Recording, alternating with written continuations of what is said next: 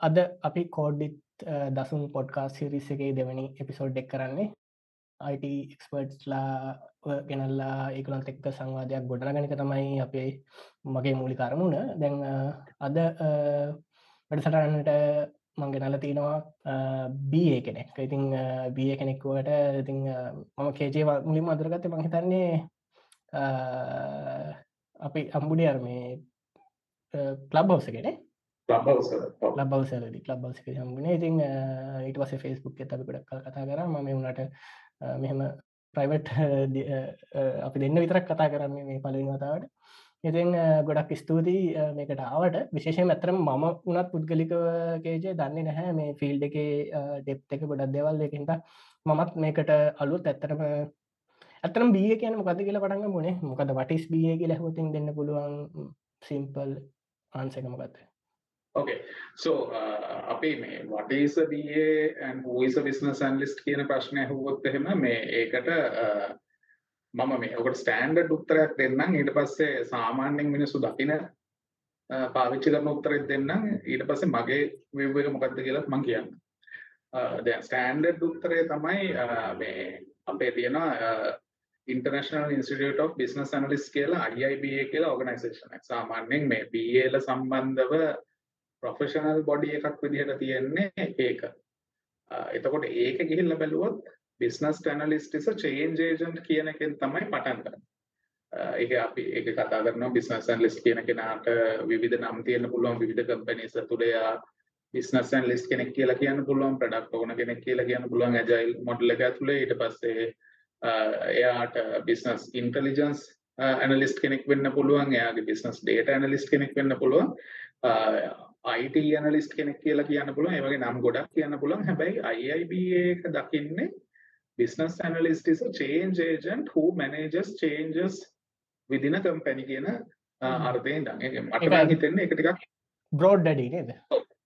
ඔව්. ඒක මට හිතෙන්නේ ටිකක් මේ කියන්නේ උවමනාවට වඩා හැබැයි උවමනා වෙම්ම දීපු පුළුල් විග්‍රහයක්. ඒ කියන්නේ මේ එතකොට අර එක ඒරියා එකකට හිර වෙන්නේ නැහැ IT වෙන්නත් පුළුවන් IT නොවෙන්නත් පුළුවන් ඕන දෙයක් වෙන්න පුළුවන් කියන බේසිස් එකෙන් ගත් එක. එතකොට අපි මේ සොරි අපි එතකොට ගමු IT වලට කොහොමද මේක රිලේට් වෙන්නේ කියන එක ඊළඟටනේ. ඔව්. සෝ දැන් අපි IT පැත්තෙන් ගත්තොත් එහෙම සාමාන්‍යයෙන් අපි පාවිච්චි කරන යූසේජ් එකේදී IT වලදී එහෙම බිස්නස් ඇනලිස්ට් කෙනෙක් කියලා කියන්නේ සාමාන්‍යයෙන් ඕන කෙනකින් ඇහුවා ඒ කියන්නේ IT වල ඉන්න මොන ප්‍රොෆෙෂනල් කෙනෙක්ගෙන් ඇහුවත් ඒගොල්ලෝ කියන්නේ බිස්නස් ඇනලිස්ට් කියන්නේ මේ ක්ලයන්ට් එක්ක කතා කරලා රික්වයර්මන්ට්ස් අරගෙන ඩෙවලොප්මන්ට් ටීම් එකටයි QA ටීම් එකටයි දෙන කෙනා තමයි බිස්නස් ඇනලිස්ට් කියලා කියන්නේ. කියන්නේ බොහොම සරලව ගත්තොත් මේ එක්ස්ටර්නල් පාර්ටි එකයි ඉන්ටර්නල් පාර්ටිස් අතර මේ තියෙන බ්‍රිජ් එක තමයි බිස්නස් ඇනලිස්ට් කෙනෙක් කියලා කියන්නේ. මගේ පුද්ගලික විවර තමයි ඕකේ මේ ඔය ඔය කියන ඩෙෆිනේෂන් එක හරි. කියන්නේ මේ බිස්නස් ඇනලිස්ට් කෙනෙක් කියලා කියන්නේ එයා මේ ක්ලයන්ට්ගේ රික්වයර්මන්ට්ස් ටික අරගෙන ඒවා ડોකියුමන්ට් කරලා ඒවා පැහැදිලි කරගෙන ඒවා ડોකියුමන්ට් කරලා ඉන්ටර්නල් ටීම් එකට බාර දෙන කෙනා. ඒ බාර දුන්නන් පස්සේ එයාගේ රෙස්පොන්සිබිලිටි එක එතනින් ඉවර වෙන්නේ නැහැ. ඒක එතනින් එහාට මේ ඩෙවලොප්මන්ට් ත්‍රූ යන ගමන් ඊට පස්සේ quality assurance engineers එකට ටෙස්ට් කරලා ඉවර වෙන තාක්කල් ආ ආපහු client යනකම් ගිහිල්ලා ක්ලයින්ට් ට්‍රේන් කරලා එයා ෆයිනල් සයින් ඔෆ් එක අරගෙන ඒ සොෆ්ට්වෙයාර් එක ලොන්ච් වෙනකන් ඒ වගකීම බාරගන්නේ බිස්නස් ඇනලිස්ට් කියන කෙනා. දැන් ඔය ඕකත් මේ මගේ තව මේක කියන්න ඕන කතාවක් තියෙනවා. මේ මම එකපාරක් එක සෙෂන් එකකදී මම කියපු පොයින්ට් එකක් තියෙනවා මේ every story is told by the point of view of a narrator of that narrator. ඒ කියන්නේ හැම කතාවක්ම ඒ කතාව කියන්නාගේ කෝණයෙන් තමයි ඒ සිද්ධිදාමය කියන්නේ. ඉතින් මම ඕක දකින්නේ මම ඉන්න ඒරියා එකේ මට හම්බෙච්ච එක්ස්පීරියන්සස් උඩ මම දකින දේ තමයි ඔය මම එක්ස්ප්ලেইন කරේ. දැන් ඒ දැන් එහෙම කරත් මගේ view එක නම් දැන් මම අවුරුදු 16ක් විතර මේ ෆීල්ඩ් එකේ වර්ක් කරනවා. එතකොට මගේ view එකේ හැටියට ඔය ක්ලයන්ට් හා ඉන්ටර්නල් ටීම් එක අතර කනෙක්ෂන් එකක් හදන කෙනා තමයි බිස්නස් ඇනලිස්ට් කියන එක ඇවිල්ලා ඒ ජොබ් එකේ තියෙන වෙරි බේසික්ම නිර්වචන. බොහොම සරලව අපි ඇහුවොත් මේ software engineer කෙනෙක් කියන්නේ කවුද? කෝඩ් ලියන කෙනෙක් කියලා කිව්වොත් හරිනේ. ඒක වැරදි නෑ. වැරදි නෑ. හැබැයි නමුත් එතනින් එහාට ලොකු කතන්දරයක් තියෙනවා. ඉතින් මගේ විවෘත අර අර කියන කතාවේ පොඩි කොටසක් තමයි ඔය ඒ කියන්නේ අවම රික්වයර්මන්ට් එක තමයි අපි ඔය කතා කරන්නේ හරි. කේජේ දැන් එතකොට මගේ තිබුණා මෙහෙම අදහසක්. BA කියන කෙනා මගේ තිබුණා මාව කරෙක්ට් කරන්න මම වැරදි නම් සහායක එලබරේට් කරන්න. මේ ගැන්නේ බිය කෙනෙක් කෙන එක විදිකට බිස්නස් ප්‍රොසෙස් රීංජනය කරන කෙනෙක් කියලත ම මගේ එක විදික දහතුම කැන දැන් කලයින්ට බිජ් හදන කෙන ගත්තනිකන් එතට කමිකේට කෙනෙක් වගේ අදහසක් නෙන්නේ ගැන අරයගෙන් හල මෙයාට කියන මේ වගේ අදහසක් මගේ වනට මගේ පුද්ගලික අදහස තිබුණේ එයාට බිස්නස් ප්‍රොසෙස් එක තේරුම් අරගෙන ඩොමයින් එක ස්ටඩි කරලා. එතකොට කලයින්ට අයිට ගැන අයිඩිය එකක් නැත්තන් තොට බිය කෙනෙක් කෙන බ්‍රිච් පර්සන් කෙනෙක් කෙනෙක් හරි. තොරයා දන්නවා මේ මේ මොනවද මොනවද මෙතන ඔප්ටිමයිස් කරන්න පුළුවන්? මේ ප්‍රොසෙස් එක ඉස්සෙල්ල තිබුණේ මිනිස්සු දාල කරන ප්‍රොසෙස් එක ඒක දැන් අයිටවල්ට එනකොට මේක කම්පියුටරලින් රීපලේසන පුළුවන් කෑලි මොනද සමකට යා අර දන්න ප්‍රොසෙස් එක මෙයා නිකන් කම්පියුටරට ගන්න හදනවන්න පුළුවන්. ඉතින් එති මං හිතනවා බීට තියෙනවා රාජකාරයක් කස්ටමට එක්ස්පලයින් කරලා දෙන්න. ඔයාගේ බිස්නස් ප්‍රොසෙස් එක මේකයි. හැබැයි අපිට අයිට සිිස්ටම එකක් දාලා මේ මේ තැන්වලින් වාට මේක ඔප්ටිමයිස් කරන්න පුළුවන්. ඒ වගේම වාට මේකට මේ වගේ කොස්ටක් යන හෙම ඇත මේක හින්ද වාට මේක සමකට පිසිබල් නොවෙන්න පුළුවන්. එතකොට ඒක අපි ගෝල්ලක් දිර දයගෙන මේ මේ මෙහම එක කඩලා මේ ස්ටප් එක මෙතනදි කරලා මේ ස්ටප් එක මෙහම කරලා මේටික මඩුවල් කරලා. එහෙම එකක් කියලද මගේ අදස්සත් තිබුණේ. එතකොට ඕක ගැන මේ ඔයාගේ පැත්තෙන් වාට පුළුවන් මේ මාව කරෙක් කරන්න හරි. එන්නත්තන් එක දැන් ඒ ඒ කියපු කතාව හරි දසන. ඒ කියන්නේ දැන් මම ඒකයි කියන්නේ අර අපි දෙන මුල් මේ මුල් ඩෙෆිනිෂන් එක ඇවිල්ලා මම කියපු ඩෙෆිනිෂන් අර බ්‍රිජ් එකක් වෙනවා කියන එකත් is the minimum requirement කියන එක. ඒ කියන්නේ අවමෙන්වත් ඒ දේවත් කරන්න පුළුවන් වෙන්න ඕනේ. හැබැයි දැන් උතන්දි කරන එකම දේ ක්ලයන්ට් කියන දේ ඇවිල්ලා මේ පැත්තට කියන එක ඒකේ ඒ කියන්නේ මොකද්ද ඒ පුද්ගලයාගේ වැලියු ඇඩිෂන් එක කියන්නේ ඒක වෙන්න පුළුවන් ට්‍රාන්ස්ලේටර් කෙනෙක් හැටියට. කරන එක භාෂාවක් ක්ලයන්ට් කතා කරන්නේ වෙන භාෂාවක්. මේ කට්ටියට ඒ භාෂාව තේරෙන්නේ නැහැ. ඒකෙන්ද භාෂා පරිවර්තකයෙක් විදිහට වැඩ කරනවා කියන එක එකක්. ඊට පස්සේ එකක් තමයි මේ හරි දැන් මේ මේ වැඩ ටික මේගොල්ලෝ භාෂාවක් තේරෙන ඔක්කොම තේරෙනවා. මේ හැබැයි ඔය ලියන්න කරන්න කෙනෙක් නැහැ. ඒකින්ද මේ ලියලා මේන්ටේන් කරන්න ඩොකියුමන්ට් එක මේන්ටේන් කරන මිනිස්සෙක් ඕනේ. ඒක තව එකක්. හරි. ඉතින් හැබැයි මට නම් ඒ වගේ දේවල් දැන් තාක්ෂණයත් එක්ක ඉස්සරහට යනකොට මේ වැඩකට නැති දේවල්. ඒ කියන්නේ අපි මේ මිනිස්සු විදිහට වැලියු ඇඩිෂන් එකක් කරන්නේ නැහැ. ඒවට ට්‍රාන්ස්ලේටර් ඇප්ස් තියෙනවා, ට්‍රාන්ස්ක්‍රයිබ් ඇප්ස් තියෙනවා, අපිට රෙකෝඩින්ග්ස් තියෙනවා. ඒ වගේ ඕන් දෙයක් කරන්න පුළුවන් නේ. එතකොට ඇත්තටම BA කෙනෙක්ගේ රෝල් එක මම ඒ කියන්නේ අපි සාමාන්‍යයෙන් පාවිච්චි කරන දැන් මම ඉන්න කම්පැනි ඇතුළේ. දැන් මම දැනට වැඩ කරන්නේ මේ ලන්ඩන් ස්ටොක් එක්ස්චේන්ජ් ගෲප් එකේ. එතකොට මම ඉන්න පොසිෂන් එක හා අපි කරන වැඩ කටයුතු අතර අපි ඔය බිස්නස් ප්‍රොසෙස් රේන්ජිනියරින් කියන පාර්ට් එක පුෂ් කරනවා සෑහෙන්න අපේ ක්ලයන්ට්ස් එකට. එතන පොයින්ට් එක ඔයා කියපු කොටසම තමයි. ඒ කියන්නේ එකක් තමයි එතන දැන් ඒකෙන් එතනින් එහාට ගිය සමහර බරපතල කාරණාවක් තියෙන්න පුළුවන්. ඒ කියන්නේ එකක් තමයි මෙච්චර කල් ඒගොල්ලොන්ට ඉලෙක්ට්‍රොනික ප්‍රොසෙස් එකක් තිබිලා නැහැ. ඒ කියන්නේ software ප්‍රොසෙස් එකක් තිබිලා නැහැ. ඒක හින්දා ඒගොල්ලෝගේ මැනුවල් ප්‍රොසෙස් එකක් රෙප්ලිකේට් කරන්න හදනවා මේ අලුතෙන් ගන්න හදන්න යන software එකක් උඩ. එහෙම නැත්නම් අලුතෙන් ගන්න system එකක් උඩ ඒගොල්ලෝ බලාපොරොත්තු වෙනවා මේ manual process එක එහෙමම replicate වෙලා තියෙයි කියලා. දෙවෙනි එක තමයි ඊට වඩා ටිකක් බරපතල කාරණයක්. හැබැයි ඒක ඇත්තටම අර ඇත්තටම මේ සිස්ටමැටිකලි බරපතල කාරණයක් වෙන්නේ නැතෙන්ද? කලින් software එකක් දැන් කලින් මේක software එකට convert කරලා තියෙනවා. කලින් software එක තියෙන විදිහක් ඒ කරන දෙයක් එහෙමම ආපහු ඉල්ලනවා මේ software එක ඇතුළතට ඕනේ කියලා. ඕක නම් අර අපි මම හිතන්නේ අපි අර ඒ කතාවල දැකලා තියෙනවා මම හිතන්නේ මේ මේ මීම්ස් වල කතන්දර කියන දැකලා තියෙන අර එක කතාවක් තමයි අර මේ ඌසෙක්ව බංකුවේ ගැට ගහලා මේ ජපාන් මම හිතන්නේ කතාවක් තියෙනවා ජපාන් හාමුදුරු කෙනෙක් ඒ පූජාවක් පන්සලේ පූසෙක්ව හැමතිස්සම ගැට ගන්නවා බණ කියනකොට. හේතුව හොයාගෙන හොයාගෙන ගියාම මේ ගොඩ කාලයකට කලින් හිටපු හාමුදුරු කෙනෙක් ඒ හාමුදුරුවෝ බණ කියනකොට ඒ හාමුදුරුවන්ගේ ඒ සුරතලට ඇති කරපු පූස ඇවිල්ලා ඔඩොක්කුවට ඇවිල්ලා පැනලා කරදර කරනවා. ඉතින් ඒක හින්දා ඒ පූසව ගැට ගහලා තියලා දෙනවා බංකුවට. දැන් ඒ හාමුදුරුව අපවත් වුණාන් පස්සේ අර පූසත් නෑ ඒ කතාව නෑ හැබැයි දැන් ඊට පස්සේ ආපු කට්ටිය දන්නේ ඇයි අරක කරේ කියලා. ඒක වතාවතක් බවට පත් වෙනවා දැන් ඔය වගේ කතන්දර එකතු වෙන්න පුළුවන් මේ ඔය software domain එක ඇතුළේ එතකොට BA කෙනෙක්ගේ job role එක තමයි ඒ කියන්නේ මම මගේ කලින් හිටපු මේ මම උගක් මේ ඉන්ස්පිරේෂන් ගත්ත බොස් කෙනෙක් හිටියා. ඒ අපි දෙන්නගෙම view එක හා මගේ ටීම් එකේ හුඟක් අය ඒ කියන්නේ හැමෝගෙම පුෂ් කරන අපි පුෂ් කරන මතය තමයි මේ හැමතිස්සෙම අහන්න why ඒ කියන්නේ ඔය why කියන එක සමහරවිට පස් පාරක් විතර අහන්න වෙන්න පුළුවන් මේ හේතුව මොකක්ද කියන එක හොයාගන්න. පළවෙනි පාර why කිව්වම හේතුව නෑ දැන් අපි දැනට මෙහෙම තමයි කරන්නේ. මෙන්න මේක තමයි කරන විදිය මේක. දැන් එතකොට ඇයි එහෙම කරන්නේ? ඇයි ඔක වෙන විදිහකට කරන්න බැරිද? එතකොට තව මොකක් හරි හේතුවක්ද? එතකොට ඕක සමහරට කීප පාරක් ඇහුවෙන් පස්සේ හම්බෙන්න පුළුවන්. නෑ ඒක ඇත්තටම වෙන විදිහකට කරන්න තිබ්බ මේ අපි මේ දැනට මේ හදාගෙන ආපු විදිහක් තමයි මේ තියෙන්නේ. එතනදී හැබැයි දැන් ඔතන තමයි ඔය බිස්නස් ඇනලිස්ට් කියන කෙනාට අපි ඔතනින් මේ පොඩ්ඩක් බ්‍රාන්ච් ඔෆ් වෙයි අපේ කතාව මේ බිස්නස් ඇනලිස්ට්ලාත් ඉන්න ප්‍රොජෙක්ට් කම්පැනි අනුව ඒගොල්ලෝ වැඩ කරන්නේ ප්‍රඩක්් එකක් උඩද? එහෙම නැත්නම් අවුට්සෝස් කරපු ප්‍රොජෙක්ට් එකක් දෙක වන් ඔෆ් ප්‍රොජෙක්ට් එකක්. ඒක කරා එතනින් ඉවරයි. එහෙම මොඩල් එක දෙන්න ඒ වගේ කතා කීපයකට එන්න පුළුවන්.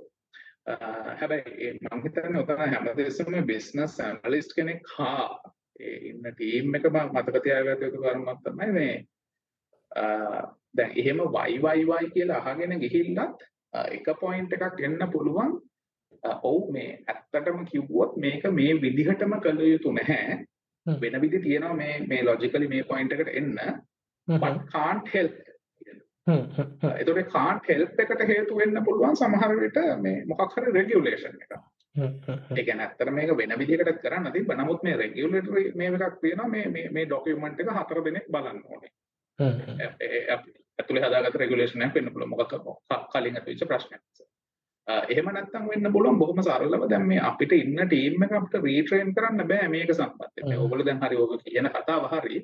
නමුත් මට මිනිස්සු 200ක් ඉන්න මේ සිස්ටම් එක යූස් කරනවා. ඒ 200 සැරෙන් සැරේ වෙනස් වෙනවා හරි මොකක් හරි. ඒකට මට අපිට ඒව වියද ඒව වෙනස් කිරීම සඳහා සල්ලි වියදම් කරන්න බෑ. ඒ මිනිස්සුන්ව රීට්‍රේන් කරලා ඒකට වැරද්දක් වුණොත් කවුද ඒක වගකීම ගන්න? ඒ ඒ අලුත් ප්‍රොසෙස් එක වරද්ද ගත්තොත්. ඒ වගේ දෙයක් එන්න පුළුවන්. ඉතින් ඔතන ඔය however still you need to know why ඒක තමයි මගේ මගේ නම් view එක. ඒ කියන්නේ business process re-engineering කියන එක අනිවාර්යෙන්ම BA කෙනෙකුට තියෙන්න ඕන වැදගත්කම්. මේ තියෙන්න ඕන අංගයක්. ඒක තමයි එතනින් තමයි අතර පටන් ගන්න ඕනේ. ඒක කරන විදිහ මම දකින්නේ අර why කියන එක හැමතිස්සෙම අහන්න කියන එක. අන්තිමට ලැබෙන උත්තරේ වෙන්න පුළුවන් මේ sorry. ඒක එහෙම තමයි ඒ කියන්නේ ඔව් අපි පිළිගන්නවා. ඒක වෙනස් විදිහට කරන්න තිබ්බ නමුත් කරන්න දෙයක් නැහැ මෙහෙම කරන්න. ඉතින් උත්තරේ දැනගෙන එහෙම ඩිසිෂන් එකක් ගන්න එකේ ප්‍රශ්නයක් නැහැ. ප්‍රශ්නයක් නැහැ. අපේ බැලු බැලමට හිතන්න පුළුවන් මෙයා මේ ඩිසිෂන් කරන් තියෙන මේ අයි මෙහෙම කරන්න නැතුව මෙහෙම කරේ අපිට ක්‍රිටිසයිස් කරන්න කලින් අපේ හෝල් ෆුල් පික්චර් එක දන්නේ නැතුව අපිට එහෙම ක්‍රිටිසයිස් කරන්න බෑ කියන එක තමයි කියන්නේ නේද? බැලු බැලමට අපිට පුළුවන් මේක ඔප්ටිමල් නෑ හැබැයි අපි දන්නේ ඒගොල්ලන්ගේ සිටුේෂන් එක මොකද්ද කියලා. මොකද්ද කියලා හැබැයි අපේ වගකීම තමයි ඒක හොයාගන්න එක. ඒ කියන්නේ අන්තිමට උත්තරේ සබ් ඔප්ටිමල් කියන එක පිළිගන්න පුළුවන්. ඒක වෙන්න පුළුවන්. ඒ කියන්නේ ඒක හේතුවක් ඇතුව. මේ දැනට තියෙන තත්ත්වය යටතේ අපි ෆයිනල් ඩිසිෂන් එකක් ගන්නවා. මෙහෙම තමයි හරි. වෙන යන්න ඔප්ටිමල් පාත්ස් තිබ්බට අපි මෙන්න මේ පාත් එක යනවා කියලා. හැබැයි දැනගෙන කළ යුතුයි. නොදැන අර අරයා කියපු හින්දා කරා කියන එක ඉතින් පිළිතුරක් නෙමෙයි BA කෙනෙකුට නම්. එතකොට දැන් ඔයා ඔය කියන එකත් එක්ක කේජ මට හිතුව දෙයක් තමයි අපි මෙහෙම කඩා ගත්තොත් ඒ කියන්නේ අපිට එකම එක විදිහට විසිල්ට කඩා ගන්න පුළුවන් දැන් BA කෙනෙක් හිතන්න පුළුවන් IT සොලූෂන් එක බිස්නස් එක පැත්තෙන් වෙන ඉංජිනීරින් පාට් එක. එතකොට අයි අපේ සොෆ්ට ඉංජිනිය කෙනෙක් කියන්නේ ටෙක්නිකලි වෙන පැත්තෙන් වෙන ඉංජිනීරින් කෑ එහෙම කිවොත්තරද නිය. මංහිතන්න එක හරි. ඒ විදියට දකින එක හරි. හරි. ගවට දැම් මට මේ තව තව කැල්ලක් ඕ. නෑවා කියන්න. ඕ. නෑ ඔතන්ද අපිට ටොපික් එකක් කෙනවා මේ බිස්නස් ඇනලිස්ට් කෙනෙක්ගේ කරිය පාත් එක කියන්නේ මොකක්ද අන්තිම දෙයක් කොහෙන්ද ඉවර වෙන්නේ කියන වගේ කතාවක්. දැන් ඕකේ දැන් මේ අප මම ඉන්න කම්පැනි එක ගත්තොත් අපේ ඉන්න උඩම තත්ත්වයේ ඉන්න කෙනා දැන් අපේ සාමාන්‍ය software පැත්තේ අපේ view එකක් තියෙනවා මේ software architect හරි senior software architect කියලා කතන්දරයක් තියෙනවා කියලා. ඒ වගේම අපි ඉන්න පැත්තේ අපේ බිස්නස් ආකිටෙක්ට් හෝ සීනියර් බිස්නස් ආකිටෙක්ට් කියලා කතන්දරයක් තියෙනවා. දැන් ඒක අපි හදලා තියෙන්නේ එක හේතුවක් ඇතුව ඒ ඒක රීසන් එක මේ අපි මම ඉන්න කම්පැනි එක වැඩ කරන්නේ ප්‍රොඩක්ට්. ඒ කියන්නේ අපි software product එකක් හදනවා. ඒ වගේ අපි හද ප්‍රොඩක්ට්ස් කීපයක් තියෙනවා. හතක් අටක් විතර තියෙනවා. එතකොට ඒවා තමයි අපි අර අලුත් ක්ලයන්ට් කෙනෙකුට දෙන්නේ. එතකොට මේ බිස්නස් ආකිටෙක්ගේ වැඩේ අර ඔයා කියපු කතාවම තමයි කියන්නේ දැන් ටෙක්නිකල් එක්කෙනාගේ වැඩේ තමයි ටෙක්නිකල් සොලියුෂන් එකක් ආකිටෙක්ට් කරන එක. අර අරයාගේ ප්‍රශ්නට. බිස්නස් එක්කෙනාගේ වැඩේ තමයි බිස්නස් සොලියුෂන් එකක් ආකිටෙක්ට් කරන එක. අරයාගේ ප්‍රශ්නය. එතකොට අරයාගේ ප්‍රශ්නය උඩ අපි අර තියෙන මේ අපේ තියෙන ප්‍රොඩක්ට් හතෙන් අටෙන් එක ප්‍රොඩක්ට් එකක් දීලා ඒකේ පොඩි චේන්ජස් ටිකක් කරලා වෙන්න පුළුවන්. එහෙම නැත්නම් ප්‍රොඩක්ට්ස් දෙක තුනක් එකතු කරලා වෙන්න පුළුවන්. එතකොට ඒ ප්‍රොඩක්ට් එක වෙන තර්ඩ් පාර්ටි සිස්ටම් එකක් එක්ක හෝ අරගොල්ලොන්ගෙම තියෙන ඉන්ටර්නල් සිස්ටම් එකක් එක්ක ඉන්ටර්ෆේස් කරන්න කොහොමද වෙන්න පුළුවන්. ඒ ඔක්කොම ටික අර එක්තරා ලෙවල් එකකට ආවන් පස්සේ ඒ ප්‍රොඩක්ට් මේ බිස්නස් ඇනලිස්ට් කෙනෙක්ගෙන් බලාපොරොත්තු වෙන දේවල්. ඒ කියන්නේ බිස්නස් ඇනලිස්ට් කියන කරියර් එක ගත්තාම එක්තරා ලෙවල් එකකට ගියාම ඔය ආකිටෙක්ට් ඒ කියන්නේ technical architect software and engineering පැත්ත බලනකොට BA කෙනෙක්ගේ ඒ ලෙවල් එකේම කෙනෙක් බලන්න වෙන්නේ ඔය බිස්නස් ඕවරෝල් ආකිටෙක්චර් කියන කතන්දරේ. හරි. මේ දැන් අපේ මේ ගොඩක් අය මේක බලන් ඉන්නවා කේජේ මේ මේ කැරිය පාත් එකට ගයිඩන්ස් එකක් ගන්න අදහසකුත් තොට දැන් බිය කෙනෙක් වෙන්න කට්ටියත් මේක ගොඩක් අය බලාගෙන ඇති මේ මට ඔයාගෙන් එක අහන්නත් ඕනේ. ඊට කලින් මට පොඩ්ඩක් කියන්න. මට මේ දැන් කතා කරගෙන අද හිතිච්ච දෙයක්. අපි මේ ලෝක ගත්තතින් ගොඩක් ෆෝචන් 500 කම්පනිස් දැන් ගත්තතින් අයිට කම්පනීම තමයි. ඉස්සර තමයි ඊට කාලෙකට කලින් තමයි ඔය කොකපෝලා ඒ වගේ වෙන වෙන කම්පනිස් උඩට තැන්ට වෙදැන් බැලුවතින් උඩ තීර මතන පන්සියෙන් හාර්සියක් විතර අයිට කම්පනි වෙන්න ඇති හරිනම දන්න ඉතින් මේ එතකොට මට හිතනවා බිය කෙනෙක් ගේක වැඩක් කියලා ඔය අයිට ගැප් එක ගොඩක් දුරට පුරෝණක ඔොන්ටපන කෙනෙක. දැන්න දැන්ට අපි දන්න ගොඩක් කොටපනස්ලා අයිට ෆිල්ඩ එකින් විල්ල ඔටපන වෙලා තියන්නේ. ඒගොලන්ට ඉන්හෙරිටන්ලි මේ බිස්නස් ප්‍රසෙස් රීජිනින් කෑල්ල ඒගොල්ලෝ උම කරගන්න දන්න අපි දැන්ට මොක්හරි බිස්නසයක් කරනවා එයාට අර කෑල් අව් බල් හිද යාට අර මේ ලෝකට ගලප ගන්න බැරි කැල්ලක් වගේ දැනවා ඉතින් මට හිතනවා මේ තොට බිය කෙනෙක් එක විදිකට ඒ බිස්නස් එකට අපි හිතන්න ඇති පැලිවකක් කියන්න බරි වැලිව එක කැඩ් කරනවා කියලා මේ අයිට හරි බිය කෙනෙක් කම්පැනිකට ඉන්නවන මෙහෙමයි. ඒකේ ඔතන්දි දැන්ර තව අපි මේ කලින් මහිතන ක්‍රිෂ්ක ටෝක්ස් මේ හවුටුගෙනලු සොෆ්ටෑ කියන මේ කලින් අපි කරපු පිසෝඩ් එක දසුන් කරපු පිසෝඩ් එක මහිතන්න මේ ක්‍රිෂ් කියපු කතාව මට පොඩ්ඩක් ඔළුවට වැදුනා මේ අර ටෙක් BA කෙනෙක් ඉන්න එකත් හොඳයි කියන එක. ඒ කියන්නේ BA කෙනෙකුට ටෙක්නොලොජි බෑග්ග්‍රවුන්ඩ් එකක් තියෙනවා. සෝ මගේ වේව් එක නම් BA කෙනෙකුට ටෙක්නිකල් බෑග්ග්‍රවුන්ඩ් එකක් තිබිය යුතුයි කියන එක. ඒක මේ ඉන්ඩස්ට්‍රි එකේ පොපියුලර් වේව් එකක් හෝ ඉන්ඩස්ට්‍රි එක පිළිගත්ත වේව් එකක් නෙමෙයි. මොකද එහෙම නොකරපු මිනිසුත් ඉන්නවා.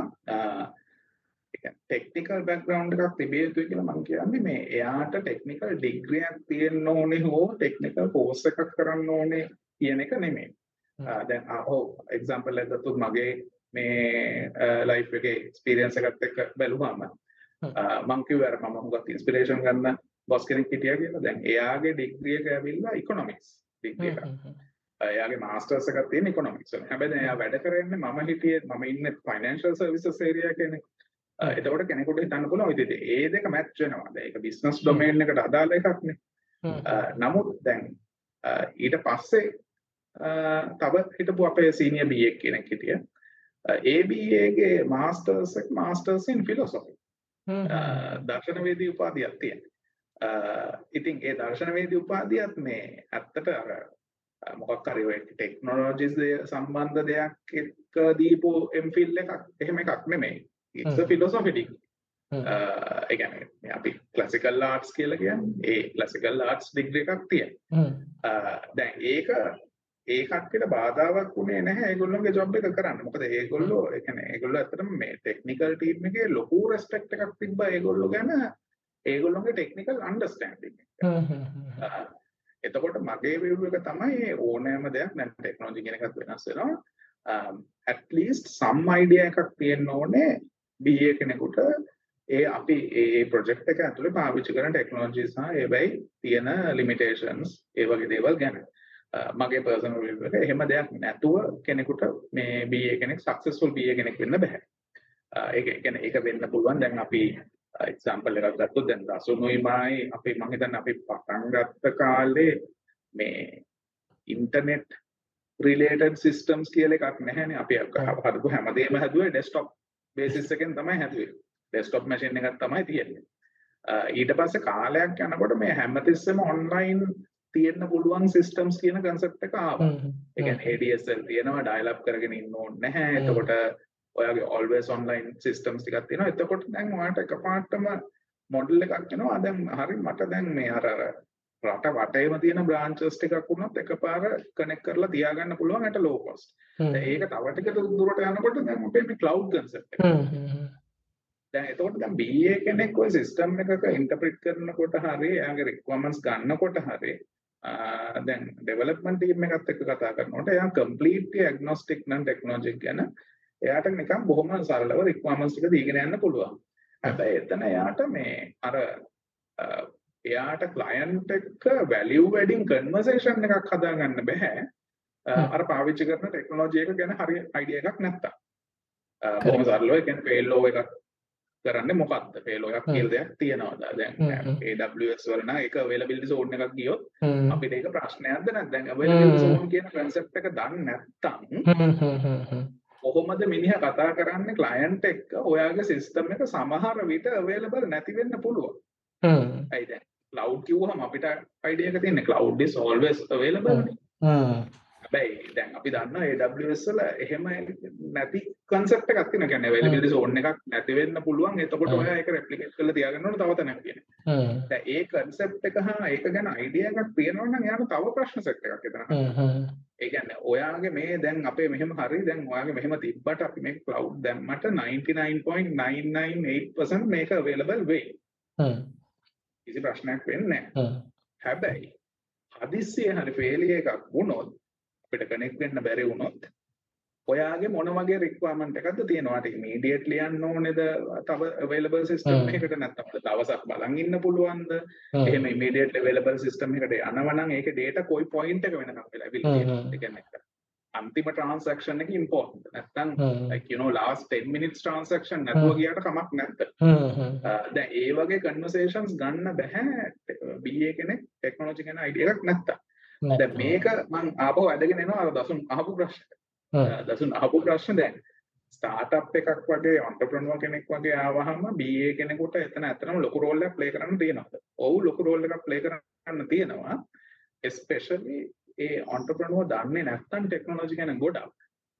එයා නැචුරලි ඩිපෙන්ඩ් වෙන්නේ අර BA මත වෙන්න පුළුවන්. මොකද එයාගේ ඔළුව ඇතුලේ තියෙන්නේ මේ හරි මේ IT ටීම් එක මිනිස්සෙක්නේ. එතකොට එයාට ඒ ගැන අයිඩිය එකක් තියෙන්න ඕන කිය එතකොට ඒ වගේ දෙකදී බිය කෙනෙකුට ප්ලේ කරන්න ලොකු රෙස්පොන්සිබිලිටි එකකුත් තියෙනවා. ලොකු ඔපචනිට එකකුත් තියෙනවා. හරි. අපි ඉගාවට පොඩක් බලමු. කැරිය පාත්තක ගැන කතා කරන්න. මොකද ඇතන මමත් මේ කැරිය පාත්තක ගැන ලොකුවටම දන්නේ නැහැ. එතකොට මේ කොහොමද මේ කැරිය පාත්තක ඩිවලප් කරගන්නේ? අයිගාවට මේ ඉගාවට එන්ටි වෙනකොට කෙලිම බිය යන්න පුළුවන්ද? ඒගට මොනවද කරන්න ඕනේ? ඩික්‍රි කරනවා නම් මොනවද? මේ එකඩමික් කොලිෆිකේෂන් මොනවද? යාට ජොබ් බැවිලිබිට ඔකත් ගොඩක් කලට මේ චැනල්ලගේ ගොඩක් කලට අනිවාරෙන් ඔය ප්‍රශ්න ටික තමයි ගොඩක් කලට මේ මෙච්චර බලගින්න අයගේ තුළ තියන්න ඇති අපි ඒටිකට සුද ඕක ඔය වගේම කොස්ටන් සට මම මේ අද උදේම මේ ප්‍රිපැවෙන්න නිකම් බලනකොට මත් තව පොඩ්ගාස්ටයක් කම්පන ඒකද ඔය වගේ ප්‍රශ්ට කහන දැ ඒකෙදි දීපු උත්තර ටිකම තමයි මටත් දෙන්න තියෙන්නේ. හැබැයි මේ ඒක again අර කතාව ටිකක් important ඒ කියන්නේ. every story is told by the point of view of the narrator කියන්නේ මගේ ටීම් එක ගත්තොත් දැන් මම මේ LSCG එකේ මම හෙඩ් කරන BA ටීම් එකේ. BA දැන් අපේ ටීම් එකේ නම ප්‍රඩක්් and business analysis. එතකොට ප්‍රඩක්් මනේජ්මන්ට් එකයි business analysis එක අපි දකින්නේ එකිනෙක යාබදව කනෙක් වෙච්ච ලොකු තනි ඒරිය එකක් විදියට. කියන්නේ කවදාද දවස ප්‍රොඩක්ට් මැනේජ්මන්ට් වලට යන්නත් BA පාත් එකෙන්ම අපි පාත්වේ එකක් හදලා දීලා තියෙනවා. දැන් ඔය මගේ ඔය ටීම් එක ගත්තොත් දැන් ඕකේ ලංකාවේ 70ක් විතර ප්‍රමාණයක් ඉන්නවා. ඕකේ දැන් ඔතන ඔතන ප්‍රශ්න තියෙනවා දැන් IT බෑග්ග්‍රවුන්ඩ් එකක් ඕනද කියන එක පළවෙනි එක. දැන් මම මුලින් කියපු කතාවේ පොයින්ට් එක තමයි ඉකොනොමික්ස් කරපු කට්ටිය ඉන්නවා මේ ෆිලොසොෆි කරපු කට්ටිය ඉඳලා තියෙනවා. ඒ වගේ දේවල් තියෙනවා. දැන් හැබැයි මගේ ටීම් එක ගත්තොත් එහෙනම් බොහොම සරලව දැන් තියෙන රියැලිටි එක ගත්තොත් මගේ ඔය 70 ටීම් එක ඇතුලේ සිවිල් ඉංජිනේර්ස්ලා තුන් දෙනෙක් ඉන්නවා. ඒකට ඒගොල්ලෝ IT ඉගෙනගෙන නැහැනේ. එතකොට ඒක ඇතුලේ ඉන්නවා එක කෙමිකල් ඉංජිනේර් කෙනෙක්. එක ටෙක්ස්ටයිල් එන්ජිනියර් කෙනෙක්. ඊට පස්සේ ඇප්ලයිඩ් සයන්සස් කියන්නේ මේ කොලම්බෝ සයන්ස් ෆැකල්ටි එකේ කෙමිස්ට්‍රි ඩිග්‍රී එක කරපු එක්කෙනෙක් ඉන්නවා. එතකොට කොලම්බෝ මැත්ස්ටැට් එකේ මැතමටික්ස් ඇන් ස්ටැටිස්ටික්ස් ඒ කම්බිනේෂන්ස් කීපයක් තියෙනවා ඒගොල්ලෝගේ යන්න පුළුවන් විදි කීපයක් තියෙනවා ඒකෙන් ආපු හතර දෙනෙක් වගේ. ඔහොම එකතු කරගෙන ගියාම දැන් ඉලෙක්ට්‍රිකල් එන්ජිනියර්ස්ලා හතර දෙනෙක් විතර ඉන්නවා. ඉතින් ඔහොම එකතු කරගෙන ගියාම අන්තිමේදී 30ක් විතර ඉන්නවා අර 70න් ඇත්තටම මේ ඩිරෙක්ට්ලි IT කරපු නැති කට්ටිය. ඒ කියන්නේ මේ IT ඩිග්‍රියක් හෝ කම්පියුටර් සයන්ස් ඩිග්‍රියක් හෝ සොෆ්ට්වෙයාර් Uh, එන්ජිනියරින් වගේ ඩිග්‍රියක් නොකරපු කට්ටිය ඉන්නවා. Uh, ඒක සමහර කට්ටියට ඒ මුළු කාලය තුලම කිසිම මේ කියන්නේ කම්පියුටර් එකක් යූස් කරලා තියෙන ඇප්ලිකේෂන් එකක් යූස් කරන්න විතරයි. නැතුව කෝඩින් කරන්න නෙමෙයි. එහෙම කට්ටියක් තියෙනවා. Uh, ඉතින් දැන් එතකොට දැන් පටන් ගන්න කොහෙන්ද මොන ඩිග්‍රියද අවශ්‍ය කියන එකට නම් උත්තරේ ඩිග්‍රියක් කියන්න බෑ කියන එක. හැබැයි ඉතින් කම්පැනි ඕක ඒක ලංකාවේ ඇතුළත ගත්තොත් එහෙම ලංකාවේ රියැලිටි එක ගත්තොත් එහෙම කම්පැනි සමහර විට අර දැන් මට එහෙම කරන්න පුළුවන්. ඒකට හේතුව මගේ ටිකක් ලොකු ටීම් එකක් ඉන්නවා සැලකිය යුතු සීනියර්ස්ලා ප්‍රමාණයක් ඉන්නවා. අර ට්‍රේනින් එකක් දෙන්න පුළුවන් අර ඉනිෂියල් හෑන්ඩ් හෝල්ඩින් එකක් කරලා ඒගොල්ලොම අර අර ලෙවල් එකට ගන්න පුළුවන් තරමේ මට ස්ට්‍රෝං ටීම් එකක් තියෙනවා. දැන් එහෙම ටීම් එකක් නැති කම්පැනි එකකට ඕකට ඉන්වෙස්ට් කරන්න අමාරුයිනේ. ඒ කියන්නේ හිතන්නකෝ මම ස්ටාර්ට්අප් එකක් පටන් ගන්නවා. දැන් මම ස්ටාර්ට්අප් එකක් පටන් අරගෙන මංගාව ඉන්න මිනිස්සු 10යි. මම BA කෙනෙක්ව ගන්න ඕනේ එතකොට BA මම මේ HR ඩිග්‍රී එකක් කරපු කෙනෙක්ව ගන්න මගේ තියෙන නම්බුරතාවය අඩුයිනේ මම ඒකට ගන්න ගොඩක් IT මොන හරි කරපු කෙනෙක්ව තමයි එතකොට ඒ වගේ දෙයක් වෙන්න පුළුවන්. ඒ කියන්නේ සමහර කම්පැනිස් ඒගොල්ලන්ගේ ස්ට්‍රෙන්ත් එක අනුව ඩිසයිඩ් කරන්න පුළුවන්. අපි මේ හුඟක් වෙලාවට නෑ අපි IT ඩිග්‍රී එකක් තියෙන කට්ටිය තමයි තෝරගන්නේ කියන එක. හැබැයි a whole එහෙම අවශ්‍යතාවයක් නැහැ. මොකද BA කෙනෙක්ගේ රික්වයර්මන්ට් එක තියෙන්නේ අර ක්ලයන්ට් හා මේ මේ ඉන්ටර්නල් ටීම් එකක් අතර ඉන්ටර්ෆේස් එක වෙන එක හා අපි අර කතා කරා වගේ දැන් බිස්නස් ප්‍රොසෙස් රීඑන්ජිනියරින් කියන එක. ඉතින් එතන වැදගත් පොයින්ට් එක තමයි අර අර බිස්නස් ඇනලිස්ට් කියන එකේ දෙවෙනි වචනය ඇනලිස්ට් කියන එක. ඕක තමයි වැදගත්කම. ඇත්තටම ප්‍රශ්නයක් ඇනලයිස් කරන්න පුළුවන් වෙන්න ඕනේ කියන එක තමයි වැදගත්කම කියන්නේ. ඉතින් ඒකේ සාමාන්‍යයෙන් මම දැකලා තියෙන දෙයක් තමයි මේ සාමාන්‍ය ස්ටෙම් ඩිග්‍රීස් කරන කට්ටියගේ ඒ ප්‍රශ්න කැපැසිටි වැඩිනේ ඕ එක ඒගොල්ලෝ ප්‍රශ්නයක් බ්‍රේක් ඩවුන් කරන නැඹුරුතාවය වැඩි. කියන්නේ ඒගොල්ලෝ හුඟක් වෙලාවට ඉක්මනට යන්න පුළුවන් ඔප්ෂන් එකකට ආහාර. මේ ලොකු ප්‍රශ්නයක් තියෙනවා. මේක පොඩි පොඩි කෑලි වලට මම මෙහෙමයි ඩිකම්පෝස් කරන්න කියන එක. මොකද ඒගොල්ලොන්ගේ හුඟක් වෙලාවට ඒ කියන්නේ කෙනෙක් ඩිග්‍රී එකක් තෝරගන්නේ ඒගොල්ලොන්ගේ මොකක් හරි කම්පිටන්ස් එකක් අනුවනේ.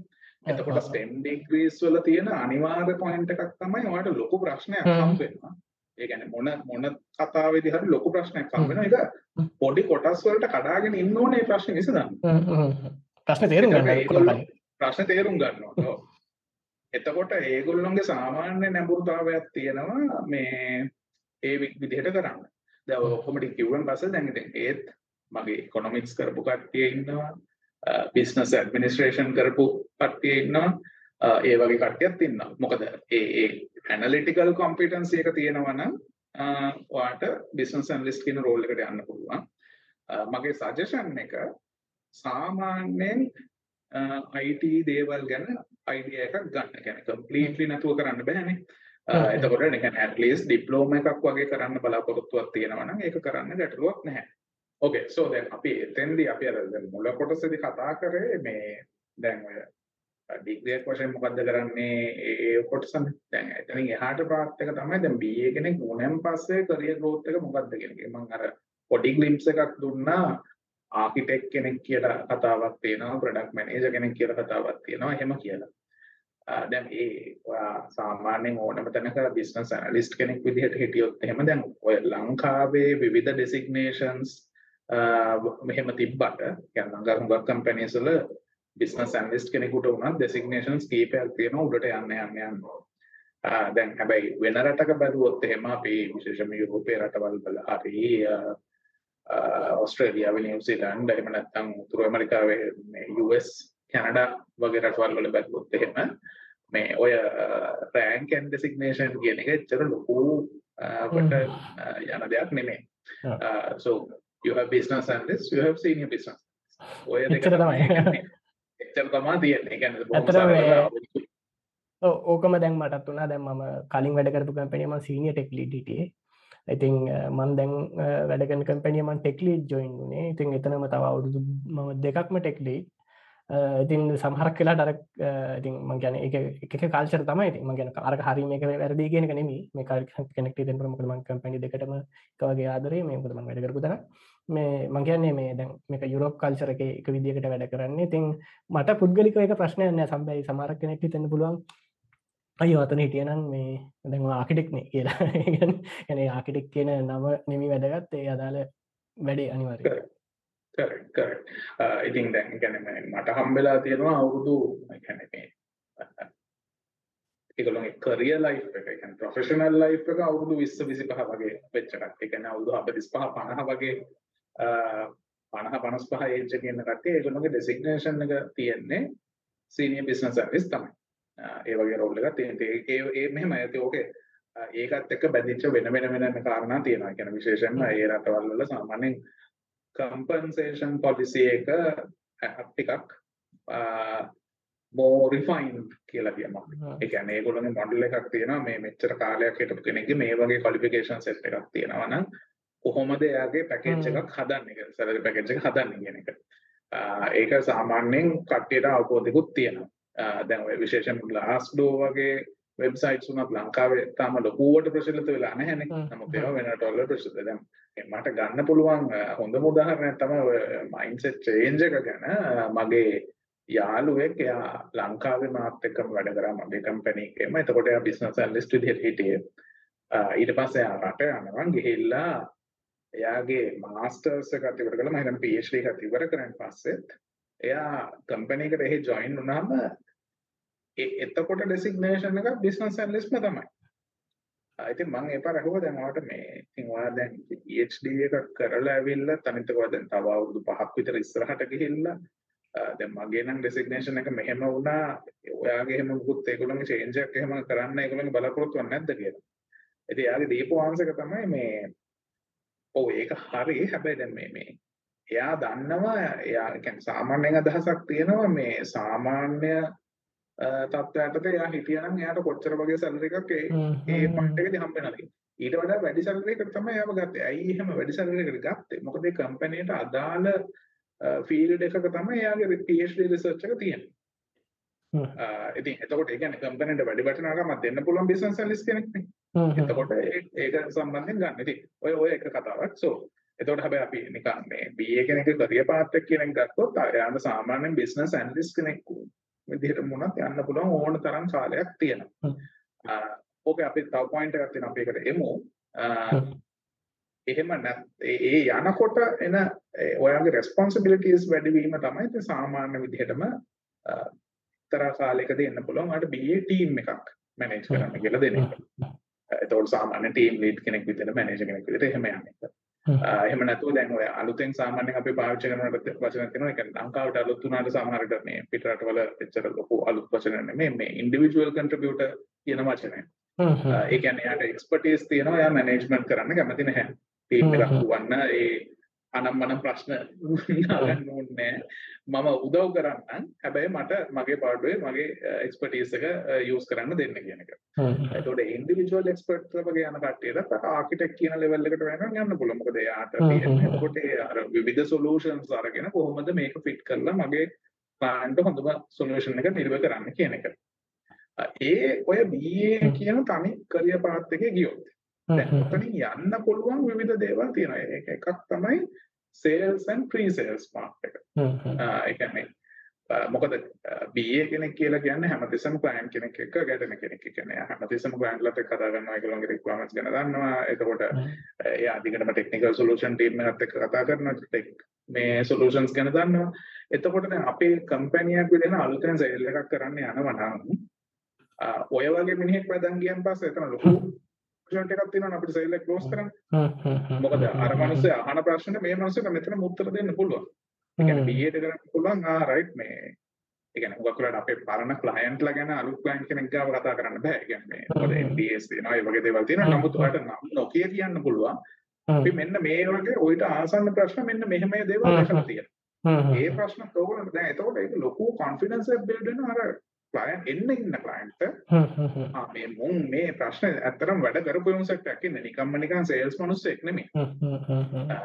එතකොට සේල්ස් පැත්තට යන්න පුළුවන් ලොකු එකක් තියෙනවා. එතන එක පොයින්ට් එකක් තමයි අර ජෙනරලි ඉතින් ඔයා කියන්නේ මේ ඔයා BA කෙනෙක් නම් ඔයාගේ කමියුනිකේෂන් ස්කිල්ස් හොඳට තියෙන්න ඕනේ. ඒකට ඉතින් අර මිනිස්සුත් එක්ක කතා කරන පාර්ට් එකක් තියෙනවා. You may not have all the selling skills. Sale එකක් කරන්න ලෙවල් එකකට නැති වෙන්න පුළුවන්. එතකොට ඒ ස්කිල් සෙට් එක හදාගන්න තියෙන්නේ ඊට පස්සේ පාත් එක තමයි මම දකින්නේ ප්‍රොඩක්ට් මැනේජ්මන්ට් පාත් එක. ඒතකොට ප්‍රොඩක්ට් මැනේජ්මන්ට් පාත් එක දැන් ඒකෙත් ලෝකයේ අපි ගත්තොත් එහෙම මේ ප්‍රොඩක්ට් මැනේජ්මන්ට් ගැන ලියවිච්ච පොත් ගත්තොත් එහෙම ඒවෙයි පෙන්නනවා එක එක පාර්ට්ස් වලින් ප්‍රොඩක්ට් මැනේජ්මන්ට් වලට එන්න පුළුවන් විදිහ. උදාහරණයක් වශයෙන් සේල්ස්ම ගිය කෙනෙක් ප්‍රොඩක්ට් මැනේජ්මන්ට් වලට එන්න පුළුවන්. මාකටිංම ගිය කෙනෙක් ප්‍රොඩක්ට් මැනේජ්මන්ට් වලට එන්න පුළුවන්. ටෙක්නොලොජි ඕ ප්‍රොඩක්ෂන් ටෙක් පැත්ත හිටපු කෙනෙක් ප්‍රොඩක්ට් මැනේජ්මන්ට් එකට එන්නත් පුළුවන්. ඒ වගේම BA කෙනෙකුට ප්‍රොඩක්ට් මැනේජ්මන්ට් වලට එන්නත් පුළුවන්. මොකද දැන් එතෙන්දී එකතු වෙන පාර්ට් එක තමයි BA කෙනෙක් ප්‍රොඩක්ට් මැනේජර් කෙනෙක් හැටියට එකතු වෙන පාර්ට් එක. දැන් මම ගත්තොත් මම BA කෙනෙක් විදිහට අවුරුදු 8යි අවුරුදු 10ක් විතර වැඩ කරලා ඊට පස්සේ මම ප්‍රොඩක්ට් මැනේජර් කෙනෙක්ගේ රෝල් එකට ගත්තා. ප්‍රොඩක්ට් මැනේජර් රෝල් එකේ තව අවුරුදු 4ක් 5ක් වගේ කාලයක් ඉන්නවා. එතකොට ප්‍රොඩක්ට් මැනේජර් කෙනෙක් වුණාම ඔයාලට අර මේ ක්ලයන්ට්ලා ගොඩකගේ රික්වයර්මන්ට්ස් කොහොමද තනි ප්‍රොඩක්ට් එකක් ඇතුලේ මේන්ටේන් කරන්න කියන කතාවක්. එතකොට ක්ලයන්ට් අලුතෙන් එනවා එනවා එනවා ඒගොල්ලොන්ගේ අලුතෙන් රික්වයර්මන්ට්ස් එනවා එනවා එනවා. එතකොට දැන් ඒව කොහොමද හැමෝගෙම රික්වයර්මන්ට්ස් හදනවද නැද්ද? මේවයි රිටර්න් ඔෆ් ඉන්වෙස්ට්මන්ට් කොහොමද? මම අලුතෙන් හදලා තියා ගන්න ඕනද සමහර රික්වයර්මන්ට් අලුත් ක්ලයන්ට්ස් වලට යනකොට? ඒ කියන්නේ අපි හිතමුකෝ දැන් අපි ලංකාව අපි මේ මෙච්චර කල් ඔපරේට් වෙන්නේ ඒෂියා ඇතුලේ එතකොට දැන් මට දැන් ලොකු අයිඩියා එකක් තියෙනවා. ඒෂියා වල රෙගියුලේෂන් රූල්ස් මේ තියෙන්නේ මෙහෙමයි. මේක අපේ බිස්නස් වැඩ කරන්නේ මෙහෙමයි. දැන් හරි අපි යනවා මේ යුරෝප් වලට. යුරෝප් වලට යනකොට යුරෝප් වල තියෙන රෙගියුලේෂන්ස් ඔය data protection laws වල ඉඳන් ඔක්කොම වෙනස් වෙන්න පුළුවන්.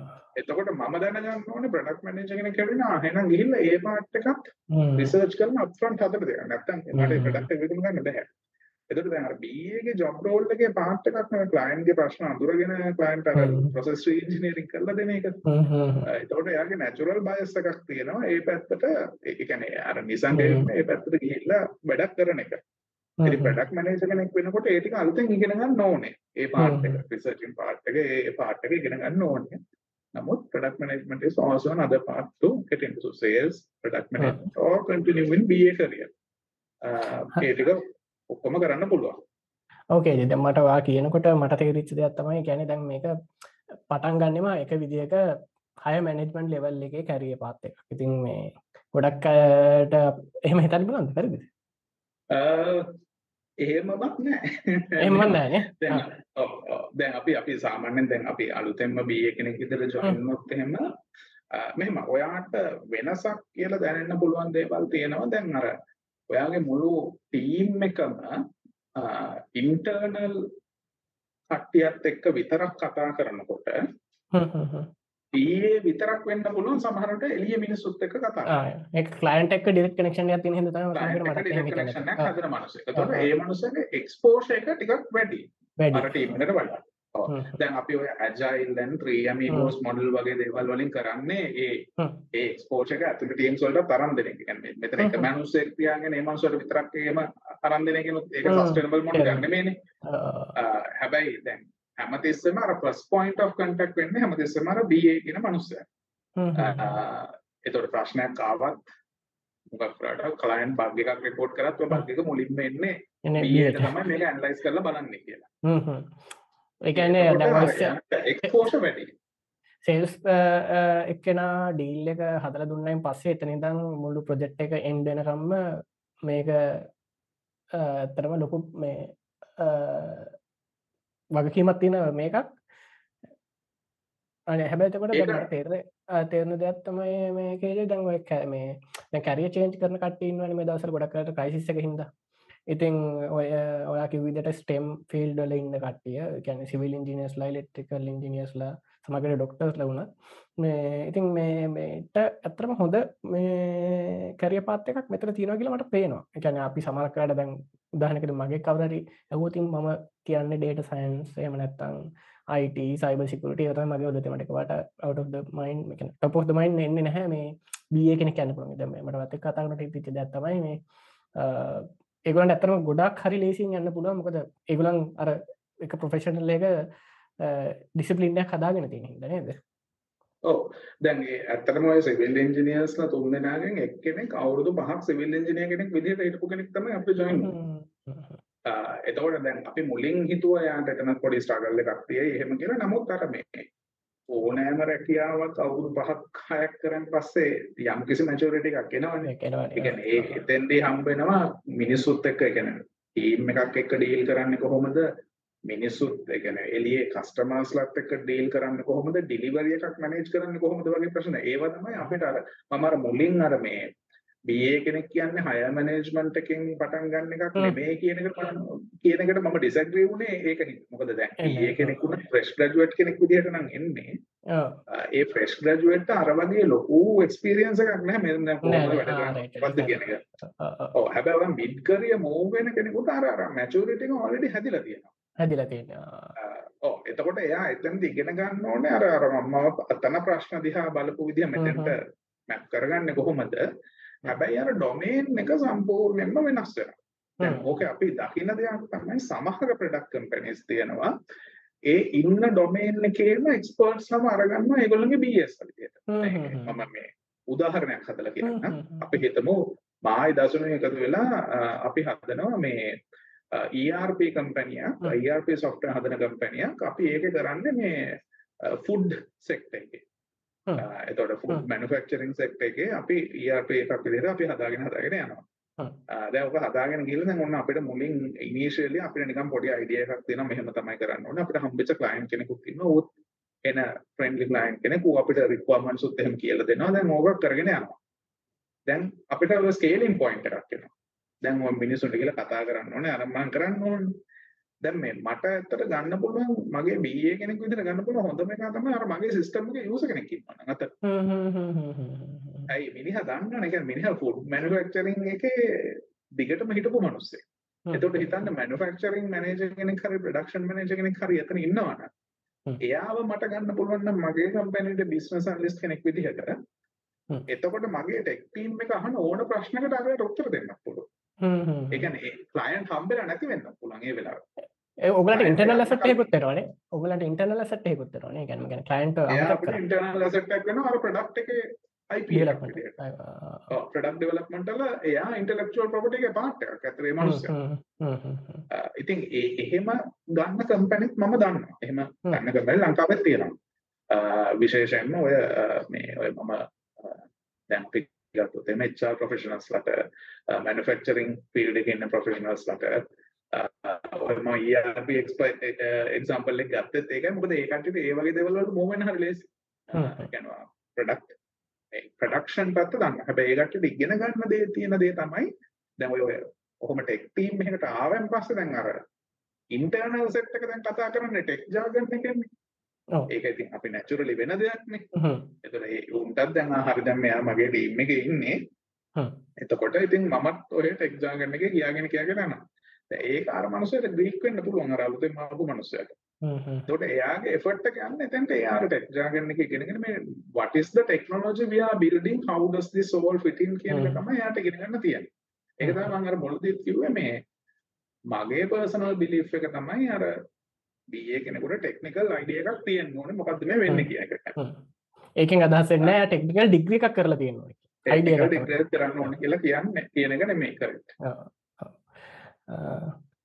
මට මේ කේජේ ඔයාගේ පොඩක් පර්සනල් කැරිය පාත්තකත් කියනකොද කට්ට ඉන්ස්පයවේ කොහොමද ඔයා මේ කැන දැගින්ඩගම් හයම හයම මැනජමෙන්ට් ලෙවල්ලගේ තැනක. ඉතින් මට ගොඩක් අයට එහෙම ඇක්සෙස් කරන්න හම්බුවෙන් දැන් ඔයා වනත්ම හම්බුණේ මේ එක ගැන දැන් ඕ ඒගැනම ගැන එය එහෙම ඇතරම තියන ප්‍රශ්න තමයි අපිට කොච්චර මේ ඉන්ටනෙට අරම තිබත් ඔයාට උනත් ඇවලබල් වෙන්න බෑහම කෙනෙක්ටම. මට උනත් ඇවලබල් වෙන්න බෑ කවහරි පර්සන මසේජ් කර ඉතින් මේ අපි මේක අම ගැන අර ඔයා මේ වැරදිට මේ කරන්න පා ගැනහිතන්න පා දැඟර අපි සෙල් ප්‍රමෝට් කරගන්නවන මේ අපි ඉන්ස්පය කරනවා කියෙන අදහසින් පර්සනල් ස්ටෝරේක කියමු. එකර කෙනෙක්ට මේ ඒක ඉන්ස්පය වෙන්න හරි මේක දී බලාපොරත්තු වෙන හැබැයි ඔයා හිටපු කාලෙට වඩා දැන් ටෙක්නෝජි වෙනස් මේ වෙනස්. ඉතින් ඒ ඒක ඔළුව තියාගෙන මේක ඉන්ස්පය කරගන්න කියලා මමත් කියන කේජි.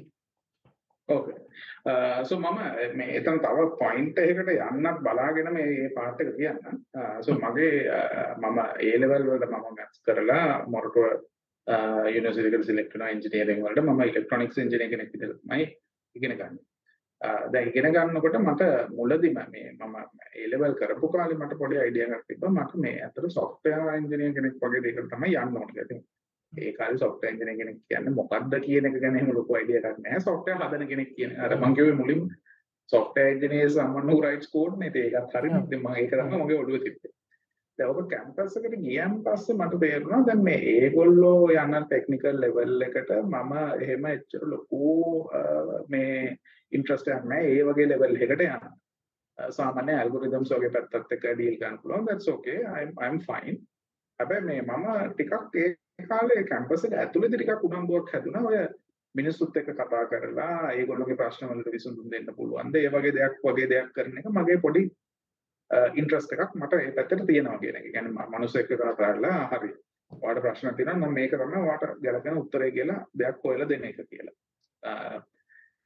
දැන් ඔය ඔය බෑග්ග්‍රවුන්ඩ් එක තියෙනකොට මගේ ඉන්ටර්න්ෂිප් කාලේ එනවා.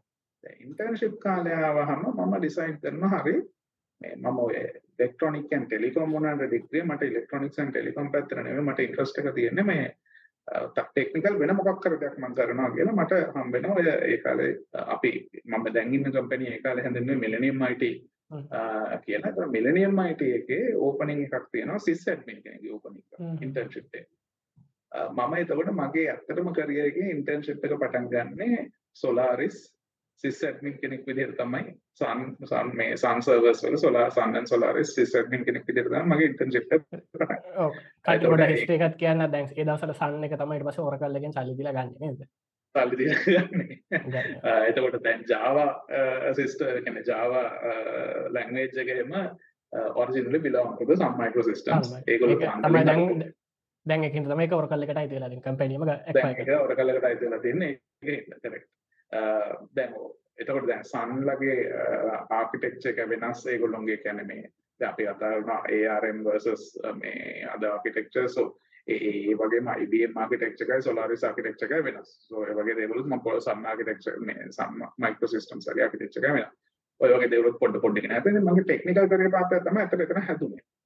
දැන් ඒක හැදුනෙන් පස්සේ මම දැන් ජොබ් එකකට ඇප්ලයි කරනකොට මම අර ටීම් එකට කෝල් කරලා ඇහුවම ඔයගොල්ලන්ගේ වේකන්සිස් තියෙනවද කියලා. ඒගොල්ලෝ තමයි සජෙස්ට් කරන්නේ මේ මල්ලි ඔයාට මේ මිනිස්සුත් එක්ක සාමාන්‍යයෙන් ඔයාලා ටෙක්නිකල් පැත්ත ගැන ඔයාලා හොඳ අයිඩියා එකක් තියෙනවා ඒක අපිට තේරෙනවා.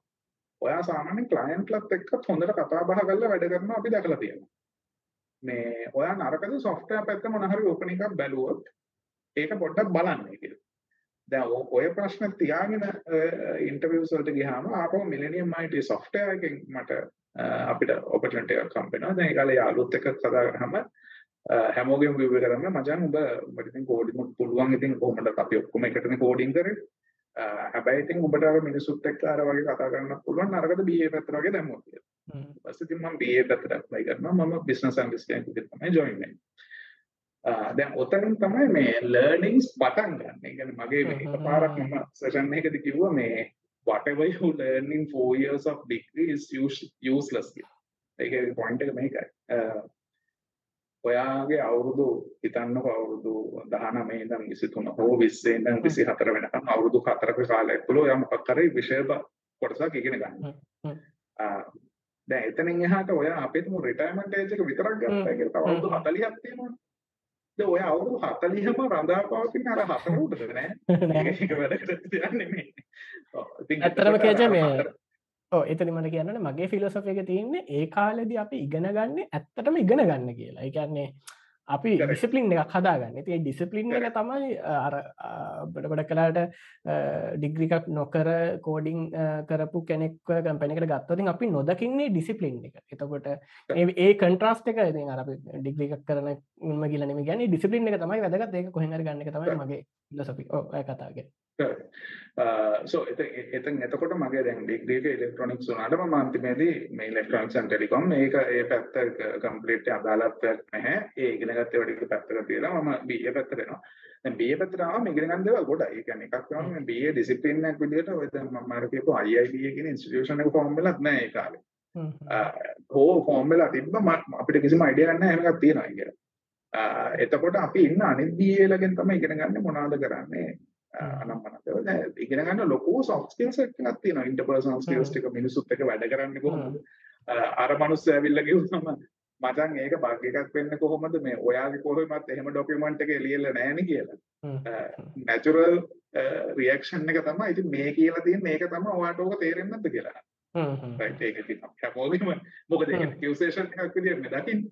හ්ම්. ඒ කියන්නේ අන්තිමට බලන් ගියහම මේ මේක බග් එකක් නොවේ. මේක මේ මේ බග් එකක් නෙමෙයි මේකට අලුතෙන්ම වෙනම චේන්ජ් රික්වෙස්ට් එකක් කරන්න වෙලා තියෙන්නේ. මේ මම ලියපු දේ මිනිසුන්ට පැහැදිලි නැති. ඒක ඇකියුසේෂන් එකක් විදියට නෙමෙයි දකින්නේ. ඉතින් ඔය වගේ දේවලුත් හදා ගන්න ඕනේ. කියන්නේ ටික කාලයක් යනකොට දෙන්න මේක ඇකියුසේෂන් එක නෙමෙයි. මම දැනගන්න ඕනේ ડોකියුමන්ටේෂන් එක. කවුරු කෙසේ කිව්වත් අරල කියන්නා කෙසේ කිව්වත් කතාව අනිත් පැත්තට කියන්නේ අහන් ඉන්න මනුස්සයා කෙසේ අහන් හිටියත් ඌ. කොයි විදිහට ඇහුවත් මේක තේරෙන්න ඕනේ ඉතින් ඔතෙන්දී අර එක්ස්ප්ලිසිට්ලි කොහොමද දේවල් කියන්නේ ඒ කියන්නේ අපි ડોකියුමන්ට් කරනවා කොහොමද එක්ස්ප්ලිසිට්ලි කියන්නේ මේවා ටික තියෙනවා එතකොට කොහොමද ඇඩිෂනල් ඉන්ෆර්මේෂන් දීලා මේ ක්ලයන්ට්ව කන්ෆියුස් නොකරන්නේ ක්ලයන්ට්ලා ටීම් මොකද උතන එකක් තියෙනවා අර in scope versus out scope දෙකම ડોකියුමන්ට් කරන්න ඕනේද කියලා හ්ම් පොඩි. ෆිලොසොෆිකල් ප්‍රශ්නයක් තියෙනවා. දැන් දැන් මගේ ඕකට දෙන්න පුළුවන් හොඳම එක්සැම්පල් එක තමයි දැන් දැන් මේ මගේ software එකේ මේ කොටස් ටික කරන්නේ නැහැ කියලා කිව්වහම හ්ම්. ඒක expected දැන් මිනිස්සු හැටියට expectation එකක් හැදෙන්න පුළුවන්. ආ ඒ කොටස් ටික කෙරෙන්නේ නැහැ කියලා තියෙනවා. ඉතින් ඒ කියන්නේ එහෙනම් මේ මගේ දැන් අර තව ග්‍රේ ඒරියා එක එකක් තියෙනවා. ඒ කියන්නේ ඒක කරනවා වෙන්න පුළුවන්. ඒකත් වෙන්න පුළුවන්. හරි. ඒ කියන්නේ ටික කරනවා කියලා තියෙනවා. මේ ටික කරන්නේ නැහැ කියලා තියෙනවා. දැන් මගේ ඔළුවේ තියෙනවා දැන් මේක කියලාත් නැහැ නැතෙත් නැහැ.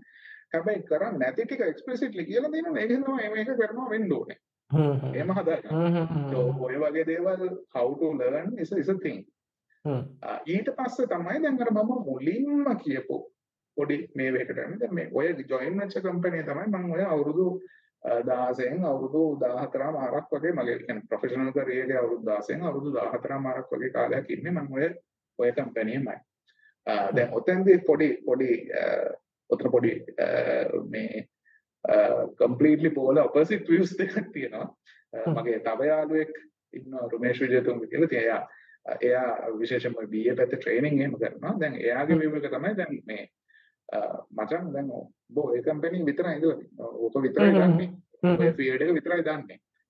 දැන් හැබැයි එයා ෆීල්ඩ්ස් හතරකට විතර මාරු වෙලා තියෙනවා. ඒ ඔය කාලෙම ඉඳලා ඔය අවුරුදු හ්ම්. 16ම වගේ කාලයක් තුනක ෆීල්ඩ්ස් හතරක පහකට මාරු වෙලා තියෙනවා. එයා ෆීල්ඩ්ස් ගොඩක් දන්නවා. දැන් ඕක මම දකින දේ තමයි අන්තිමේ මේ. So you have to pick what works for you. ඒ කියන්නේ දැන් මම මේ කම්පැනියේ ඉඳලා වෙන කම්පැනි එකකට ගිහිල්ලා ආපහු මේ කම්පැනියට එනවා. එන්න හේතුව තමයි මම මේක කරන වැඩවලට ආසයි. අවකන කොච්චර කාලයක් වායම ගියාද අවුරුදු අ, අවුරුදු එකමාරයි හිටියේ. ඒක හොඳ එක විදිගන බ්‍රේකයකුත් පොඩි බ්‍රේක් එකකටත් එක්ක හොඳයි. ඒතකොට අර වෙන කම්පැනි එක වැඩ කරන්නේ කොහොමද කියන එකත් ඉගෙන ගන්නවා. අ, ඊට පස්සේ මේකෙන් ඉතින් කිව්වා නිකන් චට්ටයක් කරන ගමන් කිව්වා මචං අ, ඔයා කැමති අර ඉස්සර කැමති වෙච්ච වගේ රෝල් එකක් ආපහු වේකන්සි එකක් තියෙනවා එන්න කැමති අර හරි කියලා ඔන්න ආවා. ඉතින් දැන් හැබැයි මගේ වෙන දැන් මම ඉන්න ෆයිනෑන්ෂල් සර්විසස් ඒරියා එකට මම ආසයි. ඉතින් එතකොට ඒ ඒ පැත්තට ආසාවක් තියෙනවා නම් ඉතින් මට මගේ නීඩ්ස් ෆුල්ෆිල් කරන්න හරියන සැලරියකුත් හම්බෙනවා නම් මම කරන වැඩේටත් මං ආස නම් මම ඉතින් හැමෝටම හරියන සොලියුෂන් එකක් හොයන්න ඕනේ නැහැ මම මගේ ලයිෆ් එකේ මම දැන් අර අර හැබැයි එහෙම නොවෙන ඒවා තියෙන්න පුළුවන්. දැන් ඔයාලට ඒ කියන්නේ ඔයාට හරියන මේ මේ ඒරියා එක මම ඉගෙන ගත්තා. මට මේක no longer interested in this area. දැන් අවුරුදු පහක් මේක ඉගෙනගෙන තියෙන්නේ I want to move into a different thing. දැන් එතකොට බෑන්කින් හිටපු කෙනෙක් කියන්න පුළුවන් හරි බෑන්කින් රයිට් මේ ඒරියාක මම සෑහෙන්න දන්නවා මට බෑ ඉන්ෂුරන්ස් ඒරියා එක ඉගෙන ගන්න you move into insurance. then you move into අර ඒ ඉන්ෂුරන්ස් වල ගෑවිලා තියෙන shipping හරි එහෙම නැත්නම් health හරි මොකක් හරි ගන්න health එකට මාරු and then you move telecom එන්න මාරු වෙච්ච ඕන තරම් successful මිනිස්සු ඉන්නවා ඉතින් එතකොට අර you have to design like you know whether you are sticking to an area or building the knowledge on one area කියන. දැන් මගේ මගේ ඔහොම අවුරුදු ගාණක් තිස්සේ මේක උඩ බිල්ඩ් කරන්න එක හේතුවක් තමයි අර මම දැන් මම දැන් ක්ලයන්ට් කෙනෙක්ට ගෙනහින් ගිහිල්ලා කතා කරනකොට මට ඒ ක්ලයන්ට් කියන්න පුළුවන් මේ ඕ මම දැන් අවුරුදු 16ක් විතර මේක වැඩ කරලා තියෙන මේ ඒරියා එකේම. දැන් මේ ඔය ෆයිනෑන්ෂල් ක්‍රයිසිස් එකට කලින් වෙච්ච දේ මෙන්න මේ වගේ ප්‍රැක්ටිසස් වගේක් තිබ්බා. දැන් ඒ ටික දැන් ඒක වෙනස් වුණා මේක හින්දා මෙහෙමයි මෙහෙම මේ කතා කරන අර මනුස්සයාටත් සමහර වෙලාවට ඒ ඒ ලෙවල් එකේම එක්ස්පීරියන්ස් එකක් තියෙන කට්ටිය ඉන්නවා මේ කන්වර්සේෂන් එක මාර ලේසි ඒවා ඒවගේ සමකට වට ඩිල් කරන්න බල වට ඩඩු ක්ස්පිරන්ස තින ගැන ෆිල්ඩ එක වා නැතිකට තකට ඔයා ඔයා ගැන ඔයා කියනද යාල යට ලොකු වැලිඩිට එකත්තින මොකද මට වඩා එක්ස්පිරස් තින කෙනෙන්නේ ම මේ මෙතන කන්සල්ටේෂන් කර. හැබැයි දැන් ඕකම ෆ්ලිප් සයිට් එක තමයි අර දැන් ඔයා if you have worked in many fields ඔයාට අර ඉගෙන ගත්ත එක එක දේවල් වලින් ඔයාලට පැරලල්ස් ගණන්ලා කියන්න පුළුවන්. මේ දැන් ඔයාගේ ෆීල්ඩ් එකේ අපි දන්නවා මෙහෙම තමයි ඔබ සාමාන්‍යයෙන් කරන්නේ කියලා හැබැයි මේ දැන් ඔය වගේම තව ෆීල්ඩ් එකක් තියෙනවා. දැන් ඉන්ෂුරන්ස් ෆීල්ඩ් එකේ ඔහොම නෙමෙයි කරන්නේ ඒක මෙන්න මෙහෙම ප්‍රොසෙස් එකක් තියෙනවා. Why don't you think about bringing that to your system එතකොට ඔයා සමහරවිට ඒක ඉනවේට කෙනෙක් වෙන්න පුළුවන්. කියන්නේ ඔයා ඉන්න බිස්නස් ඔයා ඉන්න ෆීල්ඩ් එකේ හැමෝම වැඩ කරන්නේ මේ විදිහට. හැබැයි මේ තව ඒරියා එකක් තියෙනවා ඒක මෙන්න ඔය වගේම ප්‍රශ්නකට වෙන විදිහකට උත්තරේ හොයන්නේ. එතකොට ඒක දැම්මොත් you might be the innovator there. ඔයාගේ කම්පැනි ඉස්සරහට ගෙනියන්න. ඒ දෙකම ගේන්න පුළුවන් බිස්නස් ඇනලිස්ට්. ඕකොයි විදිටම තියෙනවාගේජේ මේ සොෆ්ටයින් ඉන්ඩස්ට්‍රිය ඇතිකන අපි එකම ප්‍රෝගමි ලංවෙච් එකක් මාස්ට කරගෙන යන කතක ම පුද්ගලික ම එකට කැමති නවාක වගේ අර කැමති ටිකම් මූවෙන් ඉතින් මම ඒක හින්දා එක කම්පනයගෙන් ඇතුළ ඉදිත් ම ඩොට්නෙට් කර අවුරුදු දහැක් විතර. ඒ කරත් මම වෙන වෙන මගේ පුද්ගලි වෙලාදි ම වෙන නව කරන සමහරක් කට්ටේ කියන්න හෙමනෙම මට සෙල් කරන්න පුළුවන්ට අවුතු මෙච්චර ගාන එක්ස්පිරස් කියල. දැන් ම ඒ කොම ආමත කරලා මේ ඇංගියුල කරලා ඊට පස්සේ පයිතන් කරලා දැන් වෙනම තැනකින්. තකොට මේ මට එක විදිකට හිතෙනවා දැඟර ඒක ඉතින් ප්‍රෙෆරන්ස් තමයි අපිට ප්‍රොස්කොන්ස් තියනවා. ඉතින් එක වෙලාගදි ප්‍රොස්ස එකක් විදිට දෙන එක තව තැනකදී කොන්න එකක් වෙන ඉතින් ඒක ඕන එකට ඕන කැරිකට අපිට මේ නොලජ පුළුවන් සෝ දැන් එතනින් එහාට ගත්තාම දැන් ඕකේ මේ මම මුලින් කිව්වා මම පොඩි පොයින්ට් එකක් ගැන කතා කරන්න ඕනේ කියලා ඒ පොයින්ට් එක තමයි ඕකේ මේ සමහර වෙලාවට විවරයක් තියෙනවා මේ බිස්නස් ඇනලිස්ට් කෙනෙක් කියලා කියන්නේ මේ සොෆ්ට් ස්කිල්ස් තියෙන කට්ටිය යන්න ඕනේ බිස්නස් ඇනලිසිස් වලට කියන එක. ඇත්තටම මම ඒක අහන්න හිටියේ ගාව. ඔයාම කියන්නේ. සෝ මේවා ඔතන පොයින්ට් එක තමයි සොෆ්ට් ස්කිල්ස් බිස්නස් අර අපේ මුලින්ම කිව්වනේ අර මේ ක්ලයන්ට් හා ඉන්ටර්නල් ටීම් එකත් අතර ඉන්ටර්ෆේස් කරන මනුස්සයා තමයි බිස්නස් ඇනලිස්ට් කියලා කියන්නේ. අනිවාර්යයෙන්ම මේ මනුස්සයාට ලොකු සොෆ්ට් ස්කිල්ස් එකක් තියෙන්න ඕනේ අර මේ පැත්ත මේ හරියටම ඉන්ෆර්මේෂන් එක මෙහෙට එනවා මේගොල්ලන්ගේ ප්‍රශ්න වලට උත්තර දෙන්න පුළුවන් ඕනේ අර මං කිව්වා වගේ අර මගදී ඊගෝ ඉෂුස් එන්න බෑ ඒ ඒ ඔක්කොම ටික මැනේජ් කරගන්න දැනගන්නත් ඕනේ. ඒතකොට soft skills are very important. මේ හැබැයි දැන් ඕකේ ටයිටල් එක business analyst නේ ඇනලිසිස් කියනක තියෙනවා. අරක ඇවිල්ලා මිනිමම් ඇනලිසිස් කියනක නැතුව නිකන් පර්සනල් රිලේෂන් තිබිලා අන්දනෙකෙත් හරියන්න දැන් මගේ මේ ඕක අපි අපිට ප්‍රසිද්ධිය කියන්න බැරි වගේ දේවල් තියෙනවා. නමුත් මම කියන්නේ දැන් අර සොෆ්ට් ස්කිල්ස් වලින් විතරක් ගොඩ දාලා දෙපැත්ත කතා කරලා ගොඩ ආ, අරක තමයි මේ අනිවාර්ය එක. එපා. හැබැයි ස්කිල් එක මේ ඇඩඩ් ඇඩ්වාන්ටේජ් එකක් නේ අනිවාර්ය ඇඩඩ් Correct. නෙමෙයි මේක ඒක තියෙන්න ඕන ඒක නැතුවම බෑ හැබැයි ඒක. ඔව්. ඒක ඒක ඩිවලප් කරගන්න උදාහරණයක් විදිහට මම Correct. ඒජේ මට මේ මේ අපේ ඔය මේ අපේ මං කලින් කම්පැනි වැඩ කරලා වැඩ කරන කට්ටිය දෙක දන්නවා මාත් එක්ක වැඩ කරනවා මම ඒගොල්ලන්ට සෑහෙන මේ ගරු කරන හේතුව මම සෑහෙන. ඉතින් මාත් එක්ක මේ මිනිස්සු කොහොමද හිටියේ කියලා මට දැන් හිතලා බැලුවම තේරෙනවා. කියන්නේ මාව බයා කරගෙන කොහොමද ඒ වගේ කලික් කෙනෙක් එක්ක වැඩ කරේ. ඉතින් මේ ඒ ඒව කාලයත් එක්ක අපි එක්ස්පීරියන්ස් එකට අපි ඒක අපිට ඒ මොනවාද අ, ඒක හදාගන්න පුළුවන් නේ අපි ඉන්ටර්වර්ට් කෙනෙක් වුණා Correct, කියලා correct. අපිට මේ බිල්ඩ් කරගන්න දැන් ඒ කියන්නේ මේ බොහොම සරලව මම ජොබ් එක පටන් ගත්ත කාලේ හිටපු පුද්ගලයා නෙමෙයි මගේ පර්සනැලිටි ට්‍රේට්ස් ඔක්කොම දැන් වෙනස් වෙනස් කියන එක මම දන්නවා. ඉතින් ඒකට හේතුව තමයි දැන් ඉතින් ඕකේ කතන්දරේ දැන් කියන්නේ මේ ඒ ජොබ් එක කරනවා නම් ඒ ස්කිල් සෙට් එක අවශ්‍යයි. ඒ ස්කිල් සෙට් එක නැතුව කරන්න බෑ. හැබැයි ඒ ස්කිල් සෙට් එක තිබ්බ පළියට මෙතෙන් මේක කරන්නත් බෑ. ඒක හින්දා තමයි දැන් කියන්නේ මම හැමතිස්සෙම පුෂ් කරන්නේ ඒ කියන්නේ අපි රෙක්‍රූට්මන්ට් එකකදී වුණත් අපි සෑහෙන්න මේ ફોකස් කරනවා අර මොකක් හරි සිනාරියෝ එකක් හරි ප්‍රශ්නයක් හරි දීලා ඒ පුද්ගලයා කොහොමද ඒක ඇනලයිස් කරන්නේ කියන එක බලන්න.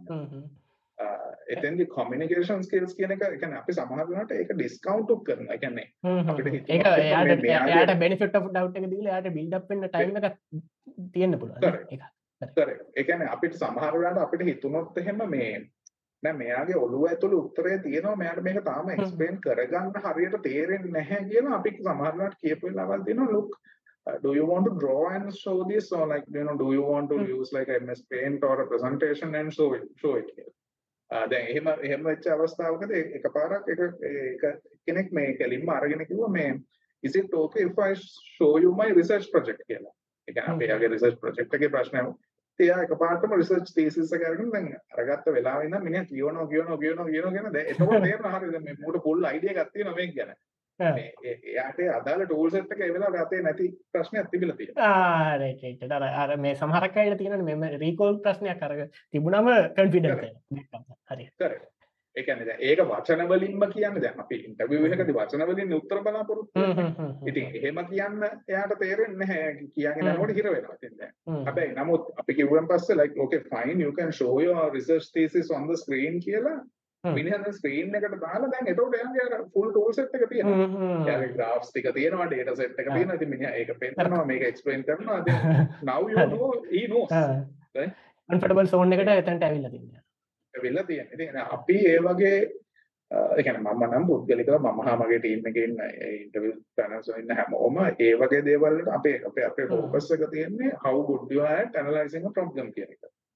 ආ, ඉතින් පොඩක් මේ ම මේකක් න මට ඕකට හොඳ එක්සම්පලයක් මතක් වුණා. මේක කියනෙක හොඳයි. මේ අපි සස් ස්ටඩන් ලවයිස් කලින් මං වැඩකරපුයන්නන්න එකෙදී මේ ඉන්ටව් කරනකොට ෆස් ලාස් ඩිග්‍රි ගැන ෆස් ලාස් ඩිග්‍රිකක් ගාපු හා හොඳම ලොකු අයිකිව කත්තියන අපි අහන ගොඩක් කලායික ප්‍රශ්න හන්න ගොඩක් කලාට මේන කට්ටියගේ. මොකද අපි පේකුණගෙන් වෙන දෙවල් අහන්න නෑන.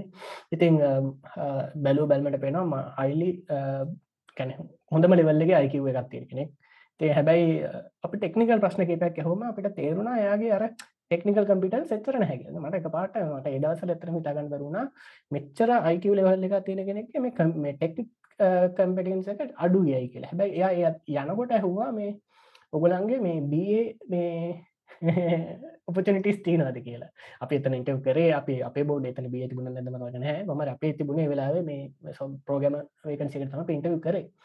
ඉතින් මට දැන්ගොට මේ හිතෙනවා මේ එයා ඇත්තටම එයාව හොඳ කඳුරගෙන් නැති. මොදයාගේ අයිකිව ලෙවල්ලගේ ඇනලිසිටිකල් ස්කිල්ල එක ගත්තම ඒක බියකට මාර් විදිර ගැලපෙනවා. දැන්කද මේ මට ඔබ කියන් හිතන එක්සම්පලයක් ඉදියට ඉතින් අර ඒක තමන් අඳුර ගැනීම තමයි නේද? ඉතින් එයාගේ එක විදිහකට දෙයක් එයා ඒ වගේ අඩු එජ්ජකදී එයා ඒක එයාට කැරිය පාත් එකත් එයා හරියට තේරුම් අරගෙන තිබුණා එයා යන්න ඕනේ බීඒ තේරුම් අරගෙන තිබ්බා ඔව්. හ්ම්. හා. ආ, දැන් ඉන්ට්‍රස්ටිං පොයින්ට් එකක් තියෙනවා මේ දැන් ඔය ඇනලිසිස් කරන දේවල් අනම්මනම් දේවල් සම්බන්ධයෙන් මේ ඉතින් දැන් මේක ඉස්සරහටත් දිගටම තියෙනවද? බිස්නස් ඇනලිස්ට්ට හැමදාම වැඩ තියනවද? වගේ කතන්දරයක් දැන් ඕක ඕක බලන්න අපි මේ පොඩ්ඩක් අපි try කරා මේ ආ, මේ මම පාවිච්චි PPD 3.5 වෙල හ්ම්. වර්ෂන් එක සාමාන්‍ය. එතෙන්දී අපි පොඩි try එකක් දුන්නා මේ පොඩි දෙයක් කරලා බලන්න. අපි මේ පේනවාද කියලා මට මේ දසුන්ට පුළුවන් ද මට මේ ස්ක්‍රීන් ෂෙයාරින් පර්මිෂන් එක දෙන්න. එතකොට මට ආ බලමු. පොඩ්ඩක් right okay so දැන් මේ ඔය BA වගේ වැටෙන්න පුළුවන් තව pitfall එකක් තමයි කියන්නේ මේ වැටෙන්න පුළුවන් වලක් තමයි BA කරේගේ ඉන්නකොට මේ tools ගැන ටිකක් ඕවලින් අන්සර්න් වෙන එක. කියන්නේ අපි වැඩ කරගන්න various tools පාවිච්චි කරනවා. එතකොට අපි දැන් ඔය UML diagramming කියන එක සාමාන්‍යයෙන් ටිකක් ලොකුවට කතා වෙන දෙයක්. එතකොට ඒ various diagramming models තියෙනවා. mind maps පාවිච්චි කරන එක තියෙනවා. එතකොට ඔය දැන් මේ agile model එක ඇතුලේ ආපු එකක් තමයි මේ acceptance criteria වලින් requirements දීලා behavior driven development කියන concept එක. කියන්නේ BDD කියන concept එක. එතෙන්දී අපි කියන්නේ අර requirement එක මේ පොතක් ලියනවා වගේ ලියන්නේ නැතුව requirement එක උඩ කොටස් වලට කඩලා ඒකේ acceptance criteria එක තමයි acceptance criteria කියන්නේ මොකද්ද? ඒක ඒක පාස් වෙනවා නම් මේ ඔයා කියන කතාව හරියි. අර සෝරිය. බැල් කියන එක හරි. හැබැයි මේ scenarios එකක් දීලා තියෙන කියනවා මේ scenarios ටික පාස් වෙනවා නම් මේක තමයි කතන්දරය කියලා. දැන් මම මේ share කරගෙන ඉන්නේ ඔය ඔහොම ලියපු එකක්. හරි. දැන් මේ දීලා තියෙන බොහොම සරල requirement එකක්. මම දීලා තියෙන්නේ please write a BDD acceptance criteria in the given when then format for the following requirement. මේ given when then format කියන එක සාමාන්‍යයෙන් මේ industry එකේ ලොකෝට පාවිච්චි වෙන එක acceptance criteria format එකක්. දැන් මගේ requirement එක තමයි බොහොම සරල requirement එකක්. A batch schedule in the system consists of the parameters type, schedule time, actual trigger time, number of retries and status. Hmm hmm hmm. This multiple types of users. However, only admin users can interact with the batch schedules. They can admin users ලා ඉන්න පුළුවන් non admin users ලා ඉන්න පුළුවන් හැබැයි admin users ලා විතරයි මේකත් එක්ක මේ දාගන්න පුළුවන් හ්ම් හ්ම් හ්ම්. admin users will be able to set up a batch schedules which are automatically run based on the scheduled time. Once run the batch schedule should record the status and the actual trigger time. ඇයි එහෙම. දාලා තියෙන්නේ? මොකද trigger time ඇත්තටම අර schedule කරලා තියෙන්නේ 9යි 10ට වුණාට මොකක් හරි server එකේ හිර වෙලා හෝ මොකක් හරි එකක් වෙනද 9යි 10යි එක. 9යි 10යි දෙක වෙන්න පුළුවන් trigger වෙන්නේ. හ්ම්. ඒක.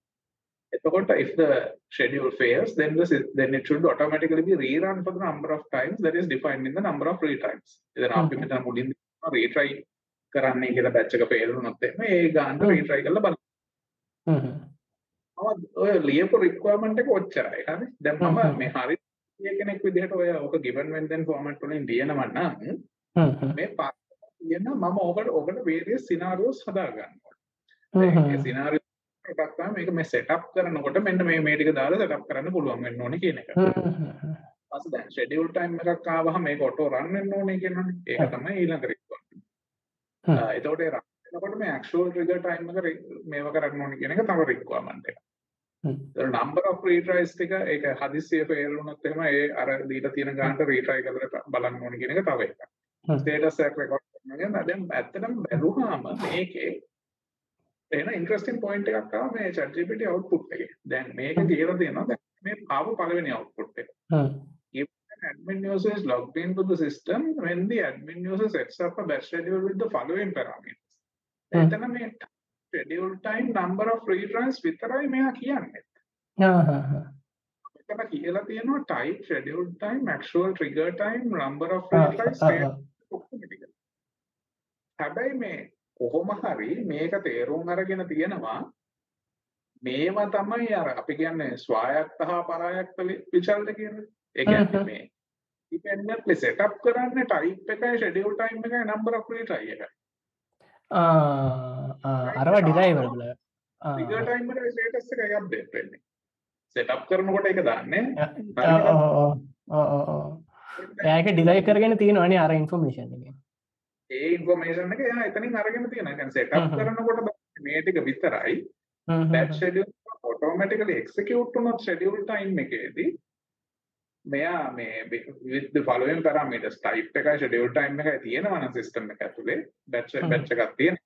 when the schedule time is reached then the batch schedule should be automatically executed and the following should occur. Status එක running වලට දාන්න. දැන් මම කොහෙද කියලා එක running තියෙනවා පල්ලයට ගියාම තියෙනවා දැන් මේ. මේක සක්සස්ෆුල් වුණාම schedule is is running status නම් ඉන්නේ. that schedule is successfully completed මේක successful මාරු කරා එතකොට කියලා තියෙනවා අන්න මේක number of retries වලට යන්න after each retry the status will remain in the field up until successful execution. දැන් ඔය ටික බැලුවාම පේනවා මේ දැන් ඕක බැලුවාම මේ BA කෙනෙක් අනාගතේ මාර ඩේන්ජරස් දැන් ඔය කියන විදිහට උඩ කරන්න වැඩක් නැහැ කෙලින්ම අවුට්පුට් කියලා දෙන්නේ so මගේ view එක මෙහෙමයි ඕක you can take it as a disaster or a blessing. ඒ කියන්නේ එකක් තමයි මේක අපිට හිතන්න පුළුවන් මාර සීන් එක දැන් මේක ආවන් පස්සේ මට මෙතනින් එහාට කරන්න වැඩක් නැහැ ඉතින් ක්ලයන්ට පුළුවන් නම් මෙන්න මේ වගේ රික්වයර්මන්ට් එක ලියලා දෙන්න. ඔක්කොම given when then format එකෙන් කෙලින්ම අපේ dev team එකට QA team එකට ගියාම ඒගොල්ලෝ දන්නවා ඔක ඔතනින් එහාට කොට දාගන්න පුළුවන්. ප්‍රශ්නයක් නැහැ. ඉතින් මගේ view එක තමයි මේ පළවෙනි දේ no one should ever feel that uh, their jobs are safe. මගේ ජොබ් එක කවදාවත් කිසිම දෙයක් නොවී යන ජොබ් එකක් කියලා හිතන්න කිසිම හේතුවක් නැහැ. ඕනෑම ජොබ් එකක් ඕනෑම කාලයක් ඇතුළත වෙනස් වෙන්න පුළුවන්. බොහොම සරලව මේ දැන් මගේ වයස අවුරුදු මේ මම ඉපදිච්ච පොයින්ට් එකේ නම් අවුරුදු 10 වෙනකම් වෙච්ච දශකය ගත්තොත් එහෙම ඒ 10 years ඇතුළතදී මේ මොබයිල් ෆෝන් කියලා කන්සෙප්ට් එකක් ගැන කවුරුවත් දැනන් හිටියේ නැහැ. ෆෝන් එකක් තියෙන්නේ මේ ගෙදර වයරින් ලයින් එකක් එක්ක එතකොට කමියු ඉමීඩියට් කමියුනිකේෂන් කරන්න ඕන ෆැක්ස් තමයි තියෙන්නේ වෙන විදිහක් නැහැ. එතනින් එහාට ඊළඟ දශකයේ කියන්නේ මම 10 ඉන්න මට අවුරුදු 10 තිරිච්ච තැන ඉඳන් 20 වෙනකම් පොයින්ට් එක වෙනකොට ඔන්න ෆෝන්ස් එක එක જાතිය මොබයිල් ෆෝන්ස් උත් එන්න අරගෙන තියෙනවා. එතකොට දැන් මම කැම්පස් එකේ ෆයිනල් ඉයර් ඉන්නකොට මේ ෆොටෝ ගන්න පුළුවන් ඒවට ආන්සර් කරන්න පුළුවන් MMS රෝ ට්‍රාන්ස්ෆර් කරන්න පුළුවන් ෆෝන්ස් අරගෙන දෙන්න. හැබැයි ඒ MMS ඒ කියන්නේ මගේ ෆයිනල් ප්‍රොජෙක්ට් එකේ එක කන්ටෙන්ෂස් පොයින්ට් එකක් උනේ මේ අපි අපි හදපු ප්‍රොජෙක්ට් එකේ අපි මේ data transmit කරන කප්පරයකට සැරයක්. ඕක අපි කැල්කුලේෂන් එකක් කරලා බැලුවාම නිකන් සෙට් වුණා අපේ data packet එකේ size එකයි ඔක්කොම එක බැලුවාම මේ daily data transmission requirement එක නිකන් 100 MB වගේ ප්‍රමාණයක් වෙන්න පුළුවන්. මේ සෝ එතකොට අපිට දැන් කියන්නේ මගේ ඒ කාලේ තිබ්බ අපේ ඒ කාලේ තිබ්බ හැටියට මේ 100 MB දවසකට data transfer කරනවා කියන එක. ඒ කියන්නේ roughly මේ ඒක ඒ කියන්නේ දවස් 30ම run වෙන system එකක්. සතිය දවස් විතරක් නෙමෙයි එතකොට මේ end of the day 3GB මාසෙකට යනවා කියන එක unbelievable amount of data usage. ඒ කාලේ හැටියට.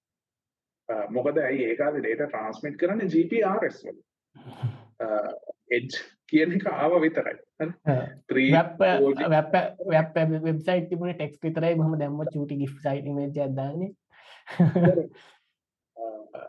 ඉතින් ඒකත් එහෙම් පිටින්ම වෙනස් වෙනවා. දැන් කියන්නේ උදාහරණයක් වශයෙන් අපි මේ ඒ කාලේ කරපු සමහර ප්‍රොජෙක්ට් වල තිබ්බේ මේ GPS කියන එක අපිට රිටේලර්ස්ලට යූස් කරන්න බැරි හින්දා අපි කොහොමද වෙන විදිවලින් ලොකේෂනින් කරන්න කියන එක. දැන් හැබැයි 20 ඉඳන් 30 වෙනකන් යච්ච දශකය ඇතුළතදී ෆෝන් එකකට ඇවිල්ලා ඉවරයි GPS එක. ඉතින් ඒක ලෝකේ හැමතිස්සෙම වෙනස්. ඉතින් එකක් හිතන් හිටියා ඒක එහෙමයි කියන එක මම නම් හිතන්නේ ලෝකේ පොයින්ට් එකවත් ඒක වැඩ කරද්දී දෙයක් කියලා. දැන් ඔය chat GPT වල වුණත් මම දැන් try කරා. දැන් ඔය ඔය මම කරපු එක ඇවිල්ලා මේ ටෙක්ස්ට් අවුට්පුට් එකක් නේ දැන් ඊට පස්සේ දැන් ඔය UM diagram වලට කරන්න පුළුවන්ද කියලා හවුවා බලන්න ගිහිල්ලා හම්බුණා මේ plant UML කියලා තියෙනවා JavaScript based UML diagram generation එක. එතකොට GPT එකට විස්තරයක් දීලා කිව්වොත් can you generate the plant UML code කියලා. එයා ඒ plant UML code එක generate කරලා දෙනවා. එතකොට ඒක අරකට දැම්මෙන් පස්සේ ඔයාලට අර UML diagram එකක් ඇඳිලා එනවා. ඉතින් එතකොට දැන් එහෙම තියෙනකොට ඔයාලට හිතන්න පුළුවන් මේ right what does it like you know what does it mean anymore මේක කියන්නේ මේ මේ ජොබ් එකේ තේරුමක් නැද්ද කියන එක. ඉතින් එක තමයි ඒක එහෙම. ඒ කියන්නේ මම පර්සනලි දකින විදිය. මගේ රෝල් එක ඇනලිස්ට් කෙනෙක්. මගේ රෝල් එක තියෙන්නේ ලැබෙන ඒක මේ මේන්ම කොම්පෝනන්ට් එක ඇනලිස්ට් කියන එක අමතක කරන්න නරකයි. අමතක කරන්න නරකයි. ඔක්කොම එක.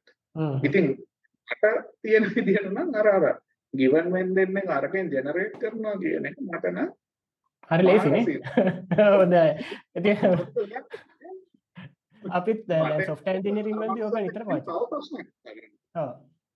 අපි සොෆ්ට් එන්ජිනියරින් වලදී නිතර පාවිච්චි කරනවා ඕක මේ මම නම් මේ කියන්නේ chat gpt එකට එයා වැරදියට උත්තරයක් ගත්තොත් ඉතින් අපි කිව්වොත් මෙන්න මේ තැන් ටික මිස් කරලා තියෙනවා කියලා එයා ඊට පස්සේ ඒකේ දිග හදලා දෙනවා. එහෙම එහෙම නැත්නම් මම ගොඩක් වෙලාවදී කරන දෙයක් තමයි අවුට්පුට් එක දීලා මෙන්න මේක අවුට්පුට් එක මෙන්න මේ මේකට හරියන විදිහේ data models ටික හදලා දෙන්නේ කොහොමද? එයා data models ටික හදලා දෙනවා. ඒක ඒක මේ ඒකින් වෙන්නේ මේ අර ඒත් ඒක එයා දෙන එක ගොඩක් කලට හිම්පිටිම ගන්න බැරි ඒක මං වෙනස් කරගන්න හැබැයි මං එක හිතලා ට්‍රන්ස කරලා කරන ඒ ගොඩක් කෑලිටික් යා කරලා දෙන එතන ඉදම් තමයි මට ඩිවලප් කරන්න ති මං සමක් කලාට මුළු දවසක් කරන වැඩ ඉති පැය දෙකින් කරගන්න පුළුවන් වෙනවා මේ ඒටූල මේ දැන් ඕකේ ඕක මම පොඩි ස්ක්‍රීන් ෂෙයා එකක් ආපහු කරන්නම් මේ ඒ වගේම දෙයක් සම්බන්ධයෙන්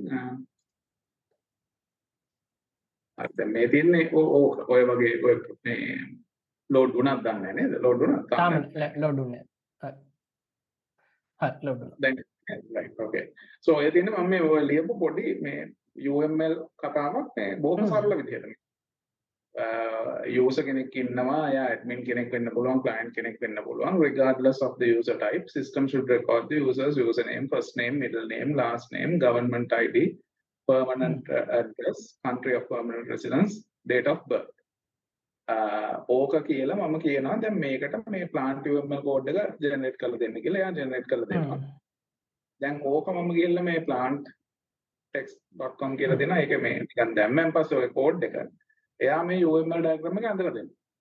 දැන් දුන්නට මට මේ බලපු ගමන් පේනවා හරි දැන් මේක ඇඳලා පස්සේ මේ පොඩි එනවා පොඩි අවුලක් තියෙනවා මේ user type කියන එක මෙතෙන්ට යන්න ඕන එක. හැබැයි මම එතන ඒක කියපු විදිහට එයා හිතන් ඉඳලා තින්නේ ඒක වෙනම ඇට්‍රිබියුට් එකක්. ඉතින් ඔය වගේ දේවල් එන්න පුළුවන්. දැන් මගේ පොයින්ට් එක තමයි දැන් මේ ඔයාගේ වැලියු ඇඩිෂන් එකක් තියෙන්නේ ඔටෝමේටඩ් ප්‍රොසෙස් එකක් හෝ ටූල් සෙට් එකක් රන් කරන එක නෙමෙයි. ප්‍රොසෙස් එකක් හෝ ටූල් සෙට් එකේ වැරදි හෙවීමේ හැකියාවක් ඔයාගේ වැලියු ඇඩිෂන් එකක්. ඉතින් ඕක තමයි මට ඒ කියන්නේ with with regards to the future of hmm. business analysts like you know is it good? Is there a business? Uh, is this uh, profession going to stay there forever මම නම් හිතන්නේ මොන සාවක්වත් එහෙම අපිට අවුරුදු දැන් මේ ලෝක තාක්ෂණ වෙන ස්පීඩ් එකේ හැටියට අපිට කියන්න පුළුවන් කියලා අවුරුදු 20කට එහා මේ තියෙනවා හැබැයි කේජේ මම හිතනවා මේ බවල එසන්ස එක නැතිවෙන එකක් නැහැ කියලා. එකන්නේ එසන්ස එක ඇනලිටිකල්නේ ඔය එසන්ස එක ඔය බිය කියන ටයිටල් එක සමහරක් විට නැතිවෙන්න පුළුවන්. එකන් එන්න අපි වෙන්න නමක් හඳුන්න ඒකට.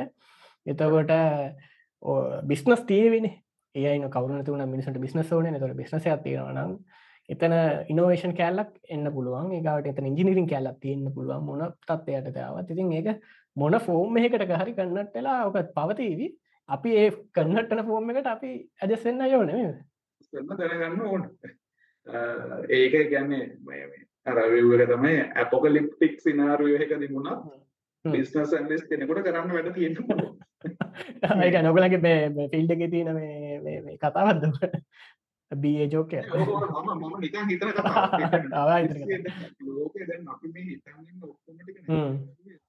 මගේ හැකියාවති දැ මට මට මේ වගා කරන්න ඒ වගේ දේවල් දැනෙන්නේ ඒතකොට දැන් මම මේ මොලේ යොදවලා තියෙන්නේ මම පුරුදු කරපු ස්කිල් සෙට් එක තමයි මේක.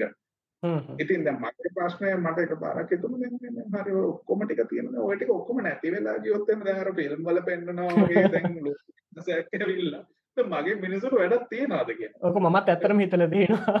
කියන්නේ මේ අපි රයිට් රයිට් ටයිම් එකේ හිටිය හදිසියාරි වගා කරන කාලෙක හිටියොත් මට මේ නිකන් අර ගම්වල ඉන්න අර කවුරුත් ගණන් ගන්න නැති මේ මුකුත් අර ලණුවක්වත් ගැට ගහගන්න බැරි එකෙක් ඉන්නේ.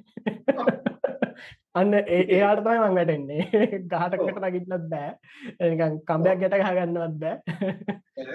අරක බාන බලාගන්න කියලා ඉතින් හැබැයි එතන පොයින්ට් එක තමයි ඒ කියන්නේ මගේ වේවල අර එතෙන්ද තමයි අර IIB එකේ ඩෙෆිනිෂන් එක අර business analyst is change agent කියන අර එන ලොකු බ්‍රෝඩ් කතාව. ඒ කතාව වැදගත් වෙන්නේ අන්න ඒ වගේ දෙයකට. ඒ කියන්නේ whatever the business that's change මොනවා වුණත් ලෝකෙ මිනිස්සු ඉන්න තාක්කල් ප්‍රශ්නයක් තියෙන මිනිහෙක් හා ඒකට උත්තරයක් දෙන්න පුළුවන් මිනිස්සෙක් ඉන්නවා. ඒකට මුගක් වෙලාවට අතරමැදිය කොන වෙන්න පුළුවන්. අනිත් එක තමයි ඔයාගේ ස්කිල් සෙට් එක යනකොට දැන් කියන්නේ මේ මම පොඩි කාලයක් ෆ්‍රීලාන්සින් කරා. එතෙන්දි මට වෙච්ච තේරිච්ච දෙයක් තමයි මේ මම හොඳ කෝඩ කෙනෙක් නෙමෙයි. මගේ කෝඩින් නොලෙජ් එක හා කෝඩින් ස්කිල් එක ඇවිල්ලා බොහොම රුඩිමෙන්ටරි ස්කිල් සෙට් එකක් තියෙනවා. එතකොට මම සමහර දේවල් කරලා තියෙනවා. දැන් මම ඔය PHP වල Joomla කියලා මේ වෙබ් ෆ්‍රේම්වර්ක් එක CMS එකක් තිබ්බයි දැන් ඒ CMS එකේ code level customisation and code level extension building වගේ දේවල් මම කරලා තියෙනවා. එතකොට දැන් එක්ස්ටෙන්ෂන් බිල්ඩිං අනම් මනම් කරනකොට මේ ඇත්තටම බැලුවාම සාමාන්‍යයෙන් PHP දන්නවනම් සාමාන්‍ය API ડોකියුමන්ට් එකක් කියවලා තේරුම් ගන්න පුළුවන් නම් ඔයාට සාමාන්‍යයෙන් මේ general end to end program එකක කොහොමද කරන්නේ කියලා ඩොකියුමන්ට් කරලා හදන්න පුළුවන් නම් ඕක කරන්න පුළුවන්. ආලෝකෝ 아무තු සයන්සයක් නැහැ. මට තේරුනේ දැන් මම ඒකේ මේ රුඩිමෙන්ටරි ප්‍රෝග්‍රෑමින් ස්කිල් එක තියාගෙන මම ඒ කාලේ ෆ්‍රීලාන්සර් කෙනෙක් හිටියේ මේ 2008 10 අතර කාලෙදී මම සාමාන්‍යයෙන් පැයකට ඩොලර් 15 සිට 20 දක්වා චාර්ජ් කරා.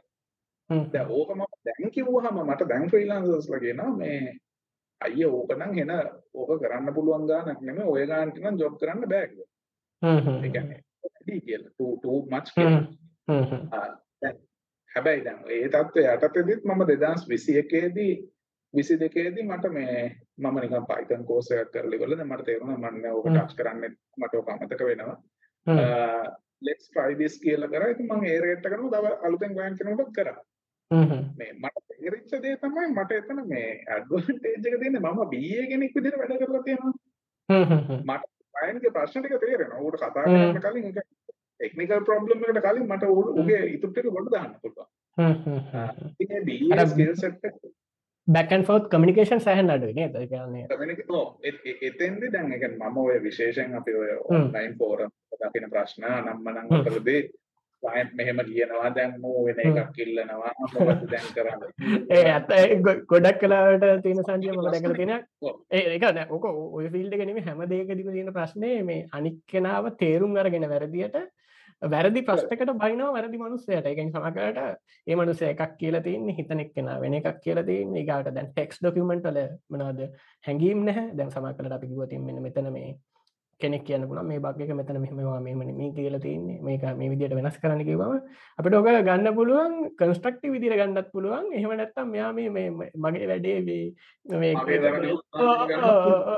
ඒක ඒක හරිම මේ එක ගොඩක් කලාට මට හිතෙන්නේ අපි එක කියවන වෙලාවේ අපේ මයින් ස්ටේට් මයින්ඩ එක තින ස්ටේට් එක තමයි ගොඩක්ම වැදගත් මේ එක විදිකට මේ අර ගොඩක් කමිනිකේෂන් ප්‍රශ්න ඇතරම මේ මාත් දැකතින මේ ෆිල්ඩ එක. මේ මොන ෆිල්ඩ එක වුණත් මේ අපිට ඕක මංහිතන ඇත්ත වෙන්න ඇතිනේ ඉති මට හිතෙන්න අර බේ ස්කිල් සෙට් එක අනෙත් කට්ටේ වුණ තදාගත්තර කිසි වැරද්දක් නෑ අනිවාර ඒ කෙනෙක් කරන දේ දැකලා මොකද ඒක තමන්ගේ ෆියුචර් එකට වුණත් උදව්වක් වෙන්න පුළුවන් දෙයක් වෙන්න පුළුවන්. මම දැන් බිය කෙනෙන්න ඕනට කේජය දැන් අපි ග්‍රන්ත ඩොටල් කිය වගේ කරද්දී මං හිතන්නේ අපි මට බිස්නස් ප්‍රසෙස් ්‍රියජනය කිරීම තමයි එක විදිියකදී මේ එක විදි ඩවන්ටේජක් වනකොද අර ෆිල්ඩ එක අවුදු ගාන කෙටපු කට්ටිය හිතන්නේ එක ඒගොල්ලගේ ෆෝමට් එකට ති සමර්කට මේ සමර මිනිස්සු මිනිස්සු හතර පහද්දාල කරන එක මං එක මනුසෙකෝ මිනිස්සු නොදා ඔටමේට් කරලා කරන ඉතින් ඒගොල්ල අර යන පාත්තක අපි එතන විදිිය වෙනස්. එක තමයි එතන ලොකොට බලපාලදී ඒකන සමහරලාට මනුස්සයෙක් ඇවිල්ලා මේ ප්‍රශ්නයක් කියනකොට වුණත් කියන්නේ මේ අත්ත ප්‍රශ්න නෙමෙයි කියන්නේ ඔළුවේ තියෙන දේ කියන්නේ. එහෙම නැත්නම් සමහරලාට සොලියුෂන් XY ප්‍රොබ්ලම් කියලා තියෙනවානේ නම ගොඩක් ඔක කෝඩ් කරන එක. වෙන එකක් කියන්නේ. ඒකක් කියන්නේ. සමහරට එයා හිතාගත්ත සොලියුෂන් එකක් තමයි මේ කියලා තියෙන්නේ. ඔව් සොලියුෂන් එක අපෙන් අහනවා ඒක කරන්න කොහොමද කියලා. සෝ ඉතින් ඒ වගේ දේවල් තියෙනවා. ඉතින් මම කියන්නේ මේ රෝල් එක කියන එක for the next five years නම් ඔබේ අමුතුවෙන් ලොකුවට වෙන්න දෙයක් නෑ. නමුත් changes තියෙනවා. අලුත් tools sets ඒ tools වලට වහලෙක් වෙන්න එපා. ඒ කියන්නේ ඔයාට tools හෝ framework. දැන් ඔය agile කියන එක අපි කාලයක් waterfall හිටියා. ඊට පස්සේ agile වලට ආවා. ඒ ඉතින් මගේ view එක අපි waterfall ඉන්න කාලේ වුණත් අපිට තේරෙනවා නම් ප්‍රොජෙක්ට් එකක මේක මේක හරි මේ මොඩල් එක නෙමෙයි අපි මේ මැද රිලීසස් ගොඩක් කරන්න ඕනේ කියලා අපි නම් එහෙම කරලා තියෙනවා ඒක නැත්තරම ඒ වගේ මොඩල් සදල තින් එක වහලෙක්වෙන්න නෙම ඒක මොක් හරි ඒකත් ඇත් ෆන්ඩමෙන්ටල් අන්ඩස්ටෑනගේ ප්‍රශ්නයන්නේ සමහරක් කම්පනි සමකාට ට්‍රයි කරනවා මේ හැබයි එක ඒ සමහරක් කම්පනි එහම ට්‍රයිකරක වැදකු නැතිවෙන්න පුළන්ක ද සමහරක් කම්පනිවල තියනවා වෙන්න පුළුවන්. අපික මිනිස්සු එක පාර වැඩ කරන ප්‍රජෙට් එක දෙසියක් විතර. ඉතින් ඒගොලන්ට මේ එකක්ෙන තමට කැමති කැමති වෙලාවට රිලිස් දාන්න ඉතින් අනිත් කට්ට සහ නිසක් ටැක් තකොට අර වෝට ෆෝල් මොඩල එක මාර වැදගත්. ඉතින් ඉතින් අපි ඒක සමහ කලාට තුන් දෙනෙක් වැඩ කරන ප්‍රජෙට්ටයකට ඒක දාලා අර මේ අනවශ්‍ය ප්‍රශ්න ගැන කිසිම ඩිපෙන්ඩන්සියන් නැතිවත් බොරුවට මේ වෙට්ටලා ඉන්න. රිහර තම තේරුම් ගන්නවන ඇයි මේක මේ විදියට හදල තියන්නේ ගැනක ඔයක ඕනම් ෆිල්ඩ එකට එකයිනේ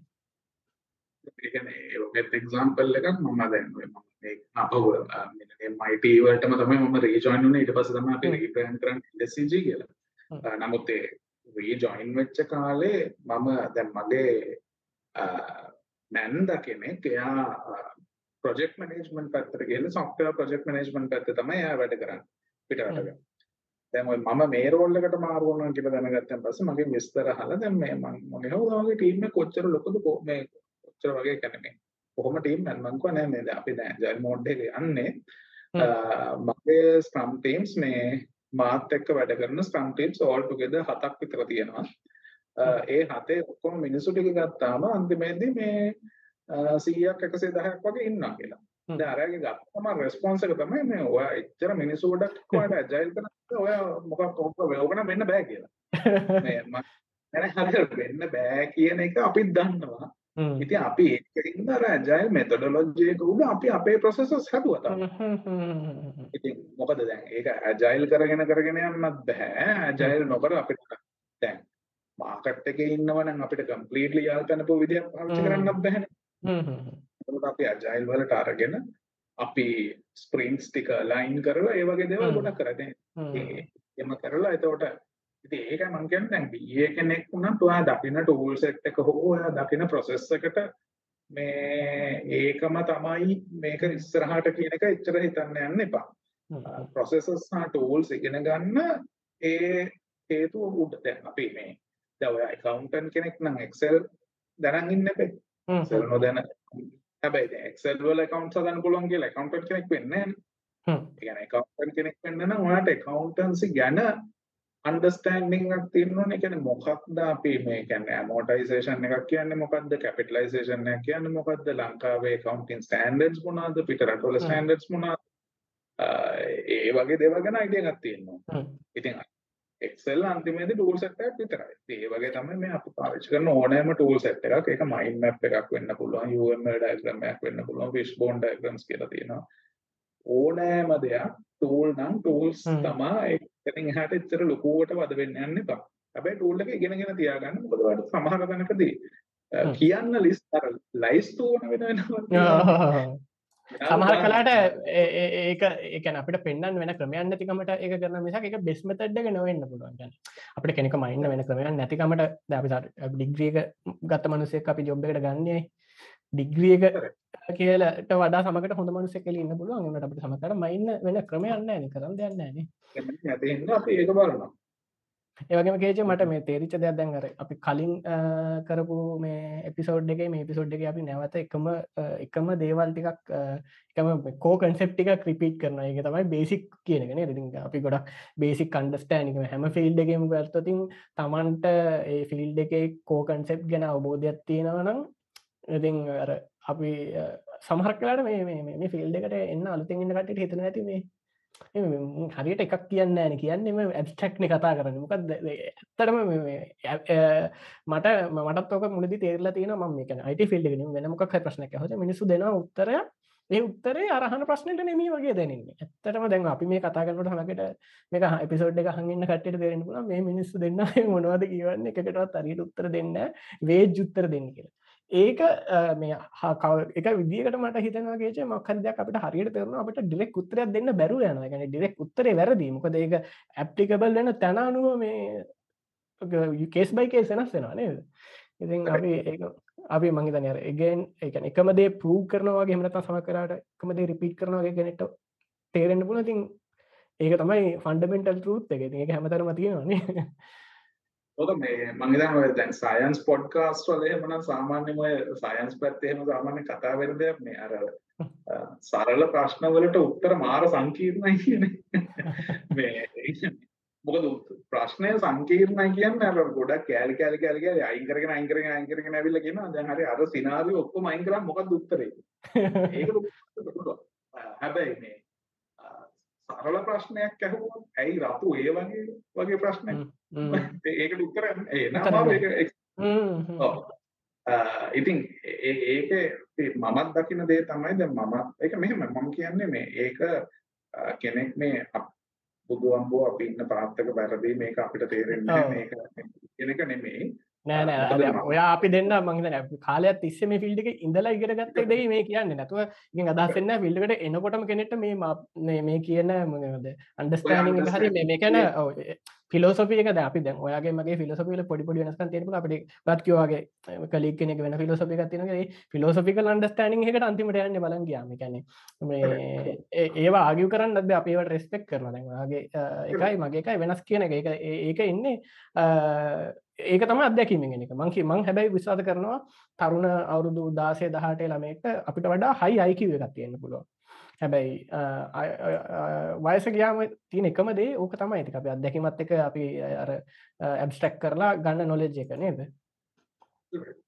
ඒගැන්න ඔයා දැම් මේකට ජොයින් වෙනකොට මේ මගේ විය පොයින්ස් මාක බ්ලක් බ්ලක්කන් වයිට මේක නෑ මේක මෙහෙම නෙමේ කරන්න මේක මෙහෙමයි කරන්න දැකට ෆයිනන්ශල් සර්විසස් පැත්තේ මම ඉගෙන එකන ඩොමේන් එක ඉගෙන ගන්න ගියාම වුණත් මගේ ඔළුවේ අර මම මකට් කරලා හදලා තියන් මේක නම් මෙහෙමයි මේක නම් මෙහෙමයි මේක නම් මෙහෙමයි දැන් අවුරුදු 6ක් 7ක් වගේ ගිය පොයින්ට් එකකදී මට තේරුණා දැන් මේ බොහොම සරල දේවල් ඒ කියන්නේ මේ ෆයිනෑන්ෂල් මේ කියන්නේ ෆයිනෑන්ෂල් සර්විසස් වල මේ වැලුවේෂන් වලට පාවිච්චි කරන ෆෝමියුලා ඉතින් ඒක තියෙනවා ෆෝමියුලා දැන් අපි තුමු ෆෝමියුලා පහක් විතර තියෙනවා.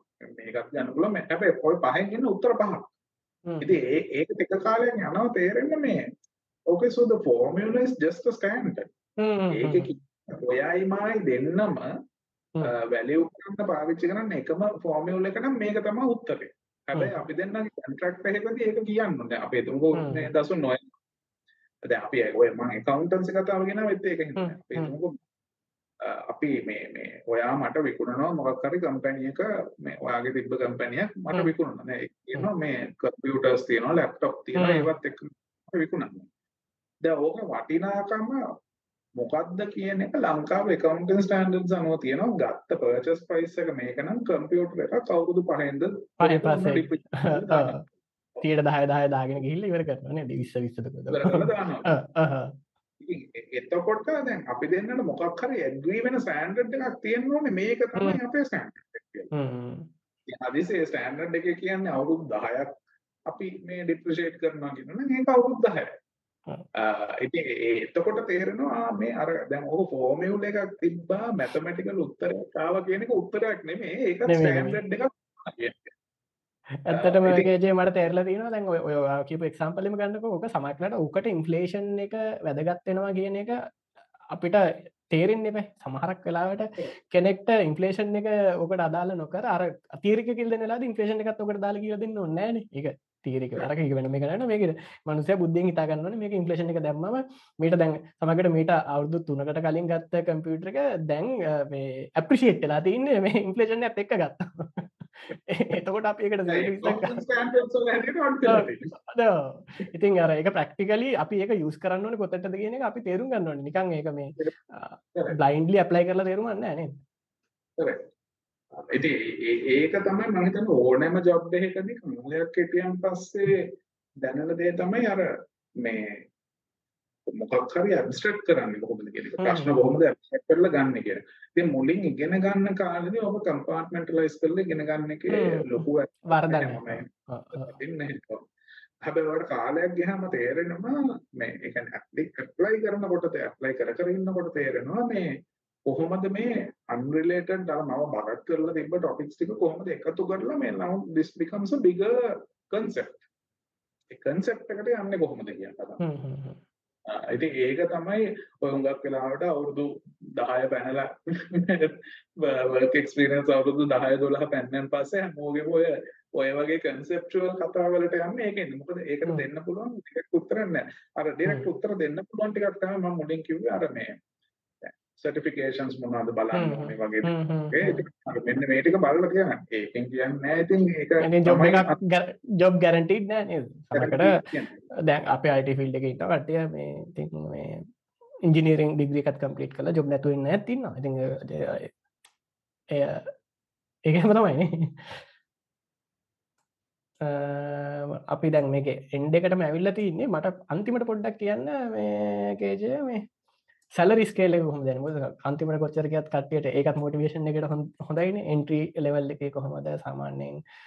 එක කම්පනි කනුමන් දන්න සහන නසනවා කියලමෙන ඉදික මෝඩ ප්‍රශ්නයක්. හැබයි අර අපි දැන් මං කලින්ම කියපු කතාවේ දැම්මං මෙවලින් වයිලේට් කරන එක විදි හැබැයි ඉතින් අර මොක් හරි වැලික දෙන්න රේජ එකක් හරි අප කටට මොටිවේට් කියන්න කියන්න වෙන්න කියන්න. තකොට දැන් සමා කරට මේ සොෆ්ට ඇන්ඩිනස්ලටත් වඩා ඇතරම සැල්ල හම්බුවට එකක් තමයි බිය කියලා ගොඩක් ගේ අතර මත ඇත්තින හිතනව එක හරි කියලා පුළුවන්. මෙහෙම.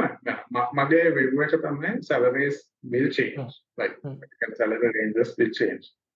මම ඉන්න කම්පැනි එක ගෙවන ගානයි. අපි WSO2 හරි Cisco Labs හරි Pearson හරි Virtuoso හරි ගෙවන ගානකුයි. Startup එකක් ගෙවන ගානකුයි. IFS එක ගෙවන ගානකුයි. කියන්නේ establish වෙච්ච කම්පැනි සමහර විට Hmm. decide කරන්න අපි එච්චර ලොකු salary එකක් ගෙවන්නේ නැහැ. මොකද අපිට stability එක. අපි provide කරන stability එක ස්ටාර්ට්අප් එකක් සමහර වෙලාවට ඒගොල්ලන්ට ටැලන්ට් එක ඕන හින්දා වැඩිපුර සැලරි අවෝඩ්. කරලා ගන්න. දැන් මෙතන ඒකෙන් මම ඉලක්කම් ගැන කතා කරන්න යන්නේ නැහැ. නමුත් අපි